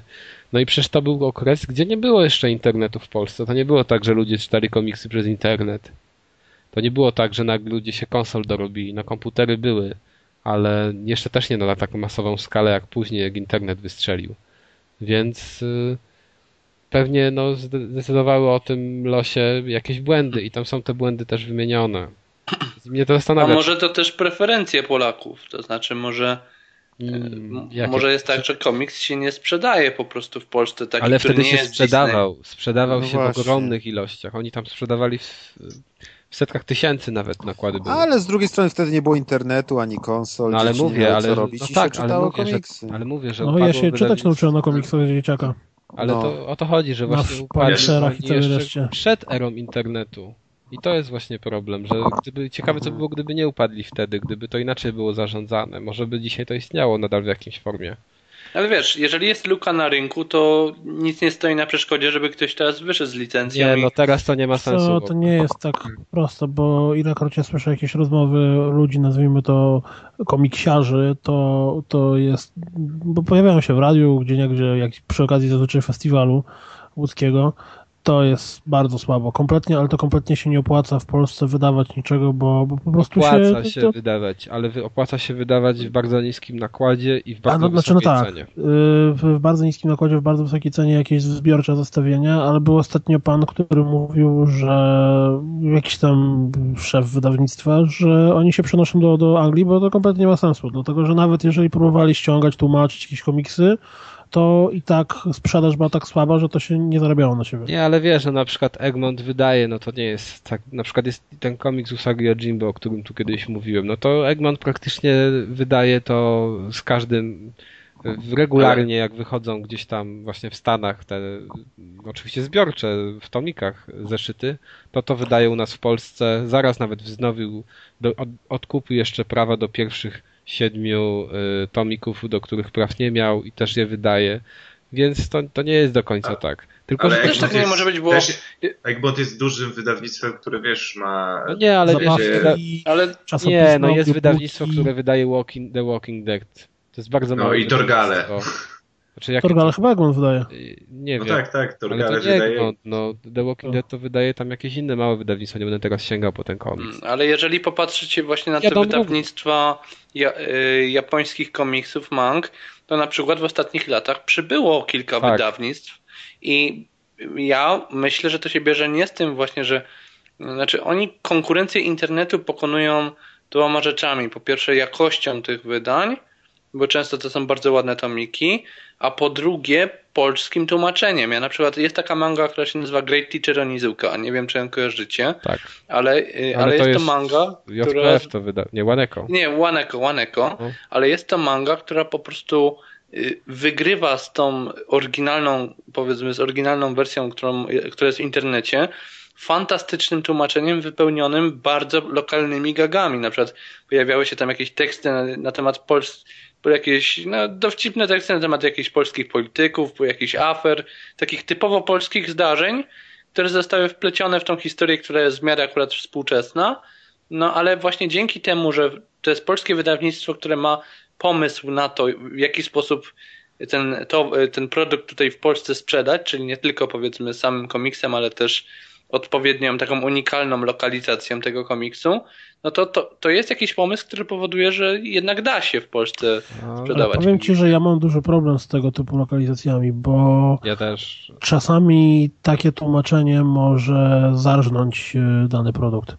No, Bo, ja akurat wiesz, to, to jest przykład Shreka. Shrek był tłumaczony w ten sposób, dzięki czemu był ultra, Lepszy. super, mega popularny i nawet dla wielu osób lepszy od wersji No, był oryginalnej. lepszy moim zdaniem to mocno. Ale dużo filmów animowanych, które są dla całej rodziny, czyli że i dzieci tam się śmieją i, i ich rodzice, mm, są aż za bardzo przepełnione tego typu dowcipami. Jak potem porównujesz sobie to z oryginalną wersją, to okazuje się, że bardzo mocno przygięli i z polityką i dokładnie film jest zupełnie czym innym, że, że na przykład jest tam prawie co drugi żart, który był neutralny, w polskiej Mhm. wersji jest nacechowany politycznie. U O nas w- kaczkach czy tam i tam Tak, podobne. Nie? Taka tylko refleksja dotycząca komiksów. To u nas jest ten rynek jakoś tak dziwacznie podzielony, że zobaczcie, komiksy ta, e, e, zachodnie wydaje przeważnie Egmont. Przede wszystkim Egmont. no tak, Egmont Egmont. stawia na wydania drogie, w bardzo niskim Zbiorcze nakładzie, skierowane do dorosłego odbiorcy. Bo ni, żadne dziecko nie kupi sobie za 80 zł nagle, nie wiem, tomiku Batmana. A po tyle wydają. No po 90 Batmana. No to no dobra, ale powiedzmy, nie, że po tyle A. wydają. A na przykład mangi, y, wydawnictwo Hanami, które wydawało mangi troszkę drożej i y, właśnie gatunkowo zbliżone, znaczy gatunkowo przeznaczone tych dla ludzi dorosłych, Mm. To praktycznie przestaje to robić, bo im się to nie opłaca. No tak. A JPF-y, Waneko to wydawnictwa, które najwięcej kasy zarabiają na komiksach y, przeznaczonych dla młodzieży. Czyli w- Szczególnie dla młodych dziewcząt. ale to jest, to jest zabawne, że jakby komiksy, ma, że mangi u nas się sprzedają w przedziale pewnie nastoletnim najwięcej, Mhm. a komiksy zachodnie w, wśród dorosłych. Dziwne, no nie wiem. A może jest to związane z tym, że dawniej ci, którzy teraz są dorośli, no to głównie się wychowali na tych zachodnich bajkach, w sensie, no, Na mam nawet na myśli, nawet nie tyle bajkach, no, komiksach, X-Men, Spider-Man i tak dalej, to były, to były też takie serie dzieciństwa tych ludzi, którzy teraz już są dorośli, prawda? Ja Punishera czytałem za dzieciaka. To No. była moc. No wiesz, no ale u nas mangi też już tak krótko nie są. No, na- na pewno krócej, bo tam 9.6, 9.7. Krócej, jakoś. krócej, to już tak. Nie no, słuchaj, ja, ja pamiętam, że ja jak byłem w szkole, w podstawówce jeszcze, to wtedy w Polsce zaczynał się boom na mangę. Było takie czasopismo Kawaii, które Tak, chyba tak. miało łącznie z, z kilka, ja nie wiem, ona chyba nie za... Chociaż nie, A nie, anime nie będę strzelał. było. Było anime Kawaii- Gaido, Zaczęło się w ogóle od tego, że w Secret Service były ostatnie dwie strony chyba poświęcone manga room, dokładnie. Mr. Jedi to prowadził, nie? Nie, Tak. nie, Ale Mr. Mr. Jedi to był w CD Action. Nie, to Root to prowadził. Tak, Też Root prowadził Secret to. Secret Service. I pamięt, i wiesz, Czardziejka z Księżyca, którą oglądali wszyscy wtedy. Ale tam opisy tamtych odcinka, latach. którego nie wyemitowali. Tak, dwóch odcinków było ostatnich, kończących pierwszy sezon. I wtedy ten boom na mangę się zaczął A w Polsce. U nas to tak, no, no tak, na mangę tak, bo jeżeli chodzi o taką japońską e, formę sztuki, to u nas się zaczęło w zasadzie od Polonii 1. Bo to No były tak, to czasy, były gdy... pierwsze anime. Tak, tak. Tak, i to gdy mówili, że to jest z Yatamane i Japonii. reszta. Mm. Tak, tak, tak, tak, tak. To ludzie No, ale zawsze... wiecie, no. Mi się wydaje, że tutaj w Polsce były jednak takie dwie główne fale. Pierwsza to fala to była właśnie Czardziejka z Księżyca, a druga fala to był Dragon Ball. To były takie, które Nie, nie, zebrały to- największy... Ale co, jest coś nie tak, Ale bo Dragon to Ball mnie na fala. przykład totalnie ominął. Ale, Eee, ale też było ogóle, tak, że masa ludzi, która oglądała Dragon Balla, oglądała tylko i wyłącznie Dragon Balla i, Tak. I nawet nie wiedziała, że to jest manga i potem po nic więcej nie sięgnęło. Ale wiesz, musieli Mhm. sięgać, dużo, dużo anime, musiało no. sięgać, bo w końcu ten RTL 7 zakupował tych serii, tro, zakupił trochę tych serii. No, Saint Seiya był, Magic Knight Slayer. No, były ten Soul Slayersi. Hunters, Jaiba, no dużo było tego. Ale Polonia 1, no przecież Tsubasę to każdy kojarzy, każdy. No tak. tam, dzieciak w tamtym okresie. To, Tak, Jak oni biegli przez trzy odcinków. anime. No tak, były bloki anime codziennie. O leciały. 16 wszystkie Znowu dzieci zbiegały się do domu. dobrze, A to. dobra, Mm. będziemy kończyć, bo my naprawdę mamy już późno. A ja szybko powiem, bardzo krótko. A. Co, w rozgryta, w rozpiskę nie patrzyłeś. Tam też jestem napisany. Kaści jeszcze. zaraz skasuje tak samo jak wszystkie moje newsy pokasował. Ja chciałem tyle newsów Tak, dać i Znowu, nic nie Maciek, mam. znowu będziesz wklejał pod bardzo ten, w komentarzach pod odcinkiem. Tak, tak. Drugie Pod tyle podcastu będzie w komentarzach. To, to dużo będzie. Nagram, Maciej nagrał osobny plik audio. Jeżeli ci się Czytam podoba, newsy. wyślij SMS-a. No. A w newsach. E, dobra, to ja szybko teraz mówię. Ja powiem o książce, ale do posłuchania, czyli o audiobooku wydanym przez Audioteka i jest to jeden z tych ich tak zwanych superprodukcji. Czyli biorą tłum aktorów, wrzucają ich do studia i cała książka jest nagrywana tak jak słuchowisko. Konkretnie ja mówię w tym przypadku o książce o tytule Karaluchy. Mm, e, Joe Nesbo jest autorem. Czyli Jo. jo przepraszam. Jo Nesbo. Czyli jak już słychać po, po imieniu i nazwisku e, autora, to jest kryminał skandynawski. Skandynawski kryminał wpisujący się w fale Wpisując się w falę Fale. kryminałów skandynawskich. Fale mew. Tak, Fale Dokładnie mew. tak, które ostatnio są dość mocno popularne. Mm, O samej sobie książce nie będę za dużo, znaczy fabule nie będę za dużo mówił, bo po prostu to jest skandynawski kryminał. Jeżeli ktoś je lubi, to, to bardzo chętnie może się z tym zapoznać, bo, bo jest autor nawet fajne rzeczy pisze, e, jeśli chodzi o ten gatunek. Ale powiem o wykonaniu tego audiobooka, bo mnie urzekł wyjątkowo mocno. Mimo, że nie lubię e, aktora, który grał głównego bohatera, czyli Borysa Szyca, który O. grał naszego głównego detektywa, to słuchałem Bo jest od tego ciebie świetnie. przystojniejszy. Na pewno, Szyc jest od wszystkich przystojniejszy. Nie jest. No nie od ciebie. E, W każdym razie słuchałem się tego bardzo dobrze.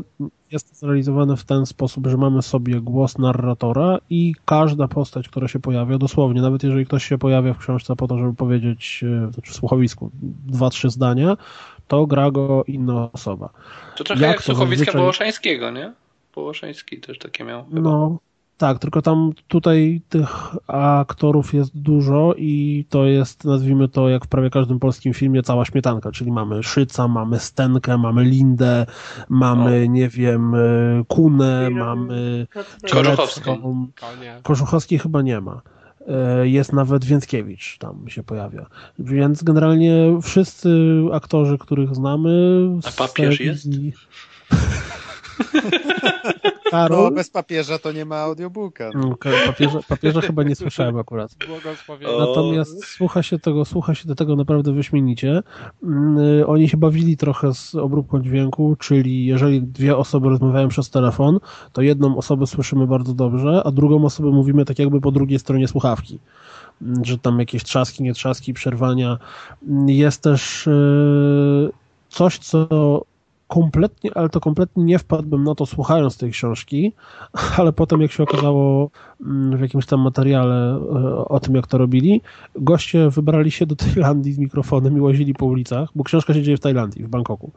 Więc wybrali się do Bangkoku, łazili po ulicach z mikrofonem, nagrywając, nazwijmy to dźwięk Aha. tła i ambientu i te wszystkie dźwięki, które są w książce są teoretycznie według tego, co oni pokazali, ambienty, faktycznie ambienty, wycieczka Fak- była. też. No to pewnie tak, pojechali w wycieczkę, dobry powód, będziemy nagrywać dźwięk do No, a mogli kupić Las Vegas w Bangkoku i tam Jest, wyciąć parę jest, sam. jest, jest zresztą filmik z realizacji tego, Tak. bo pomagał im, e, pomagała im osoba, która prowadzi blog taki w bok. Dość popularny blog podróżnicy o życiu w Tajlandii. Fajny, fajny, fajny tytuł tego bloga. Generalnie mm, e, słucha się tego super, historia jest całkiem ciekawa. E, Jeżeli ktoś lubi skandynawskie kryminały, to, to, to bardzo warto. E, Realizacja jest bardzo dobra i mówię, mimo że ja na przykład nie lubię Szyca, to kompletnie, ale to kompletnie mi nie przeszkadzał w tej, w tej, w tej, w tej książce. To, to ja tylko z, technik, z technikaliów dodam, że to może to jest ostatnia szansa na usłyszenie, aud- szczególnie jak się ma dobre słuchawki lub zestaw audio, na usłyszenie tak zrealizowanego audiobooka, bo on jest tam realizowany w bardzo zaawansowanej technologii 3D, nie wdając się w szczegóły, na jakby realizacji dźwięku i, i potem tego tam na odpowiednie kanały puszczanie takich tam pierdół. I z tego, co mówili twórcy, bo, bo, bo to studio jakby prężnie działa i, i kolejne audiobooki robi, następne już projekty są, są robione dalej jakby wiadomo stereo i, i różne tam e, dodatkowe dźwięki i fajna realizacja, ale nie tak zaawansowana jak tego, ponieważ e, oni robili sobie, nie wiem czy jakieś badania, czy po prostu e, zbierali opinie u, od użytkowników i i teraz nie chcę jakby skłamać w procentach, ale bardzo duża e, liczba osób, które to kupiło, po prostu słuchało tego na dużo gorszym sprzęcie, jakby na, na sprzęcie, który nie umożliwiał usłyszenia tego wszystkiego, co oni zrobili w studio. I po prostu koszty się nie... Dobra, dobra, wycieczka do Tajlandii była za droga, po prostu. Jeszcze to tylko jedno dodam, że jeżeli ktoś ma zamiar posłuchać, to niech absolutnie nie ogląda przed y, słuchaniem tego filmiku, o którym mówi Deusz, bo jedna z aktorek y, wali spoilerem z samego końca książki. O swoje, na temat swojej postaci. Mówi, że no, a moja postać jest ciekawa dlatego, że... I tu mówi coś, co w książce dowiadujesz się tak pod sam samysieńki koniec. Więc to, to ten. Ale tak czy siak naprawdę bardzo warto, bo, bo, bo świetnie się tego słucha. Jeżeli komuś się podobały te wszystkie Wiedźminy, znaczy nie Wiedźminy, tylko Narenturum, E, jego forma, no tak samo Audioteka zrobiła super produkcję, czyli książka Sapkowskiego, tam całą tą trylogię husycką, chyba już dwa epizody wypuścili. Znaczy A. na Renturum było pierwsze i chyba teraz nagrali drugą część, ale tutaj strzelam, bo nie, nie, nie jestem pewien, bo ja słuchałem tylko na Renturum. E, bo po prostu fajnie się słucha audiobooka, który nie jest audiobookiem lektor czyta nam książkę, tylko jako słuchowisko. I te wszystkie, wiecie, odgłosy, jak ktoś chodzi, strzela, przyjeżdża policja. Rewelacja. Okej, okay, to kończymy no to sobie ten. Trzeba się zainteresować. Faktycznie. Odcinek. Ciekawe to brzmi. Do usłyszenia w następnym. Na razie, cześć. Mikołaj Korwy. Cześć.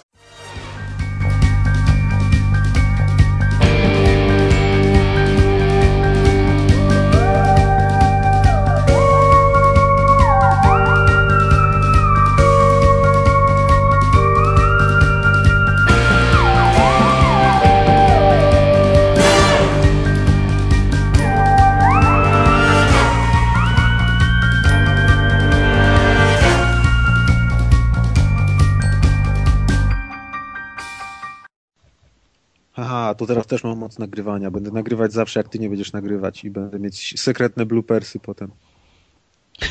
sekretne bloopersy. tylko ja będę o nich wiedzieć i tylko ja będę ich słuchać. Wiesz co, to zamiast po miskę iść po piwo i możemy Dobra. zaczynać. Okay. Aga, to tak jak w tej reklamie tego Xboxa widzieliście ją? Tak, boyfriend go. no, boyfriend go beer kwestii podsumowania generacji. Ja bym zrobił jakiś jeden taki, znaczy nie w sensie odcinek, tylko taki mały temat odnośnie tytułów takich, bo wszyscy podsumowują, wiesz, najlepsze gry, tam jakie polecasz i takie tam pierdoły. No a my wiadomo, zróbmy specjalny odcinek o binary domain. I... Nie, no właśnie o to chodzi. że, my, że my powinniśmy zrobić odcinek o... Deadly Premonition. No, no to też. Ale właśnie o takich grach, o których mało kto pamięta. W sensie wiesz, na przykład. Bo. Bo wszyscy będą jarzyli, że nie wiem, że jest coś takiego jak Deus Ex, powiedzmy, czy tam wszyscy będą jarzyli, że jest Tomb Raider z tej generacji i tak dalej, ale kto będzie na przykład Madzina kojarzył? No nie. Albo, albo Resonance of Fate. Sam będziesz no. to nagrywać, Kas. Podsumowanie generacji to... Ja bym zrobił takie, bo wiesz, nie jakieś pier pierdolenie o niczym, tylko właśnie o takich rzeczach. Komeci, nie? No. Właśnie. O jest. Piotrek się dopiął. No ja właśnie go dopinam, ale... Zgodzę. Dobrze, że jeszcze nie było zapiął, bo to, to jeszcze gorzej. Halo, jesteś? On na pewno nie ma No nie, on podłączył na ten swój cudowny mikrofon. No, czarodziejski mikrofon. Ale pomyśl, że jak on go podłączy, to nas wszystkich wywali z sieci. No ciebie już prawie wywaliło, jeszcze nie podłączył. Myślisz, że za 300 zł to normalnie jackiem się wpina? Co ty? Że jak kody jakieś wpisać. A ty no. Siedem przejściówek. A to, ej, wiesz, to jest taki duży jack jak do gitary, Deusz. No i jeszcze oddzielne zasilanie trzeba do niego podłączyć, bo, bo normalnie wyjście z mikrofonowe nie uciągnie, nie? No ale Kuldanek jest naprawdę dzisiaj boski, no nie. Kuldanek. I takie światło z nieba. Jeb. Może, dy, może dynamo podłącza. To nie wiem, czy pamiętacie, ale to Natalia Siwiec mówiła, dlaczego lubi Witę jak była ta afera, była jakiś czas temu, no nie? Że ona tam siedziała na plaży i trzymała odwrotnie witę. I ona się tłumaczyła chyba Konradowi Hildebrandowi wtedy, że ona bardzo lubi takie gadżety, bo, no bo Wita ma Skype'a i można nią robić zdjęcia i ona lubi takie gadżety. No może robiła jakiegoś, wiesz, sweetfocie dookoła. A tak. ale- Ale akurat podanie jako głównego feature'a, że ma Skype'a Wita, no to... No ale no to zobacz, no a co podaje Microsoft jako główny feature Xboxa? Że ma telewizję, no.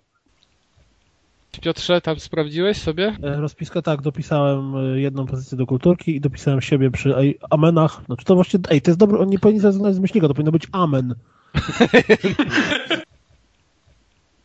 Jeszcze Deusz powie kawał, dawaj Deusz. O, o, Ale wybierz, wybierzcie sobie kategorię. Zboczony. O, hardkorowe. zwierzęta. Nie. Dużo zwierząt. Nie, to mam, to mam dwa, nie? Pierwszy tam. Tu były kawały, a to reakcja. o! O ja-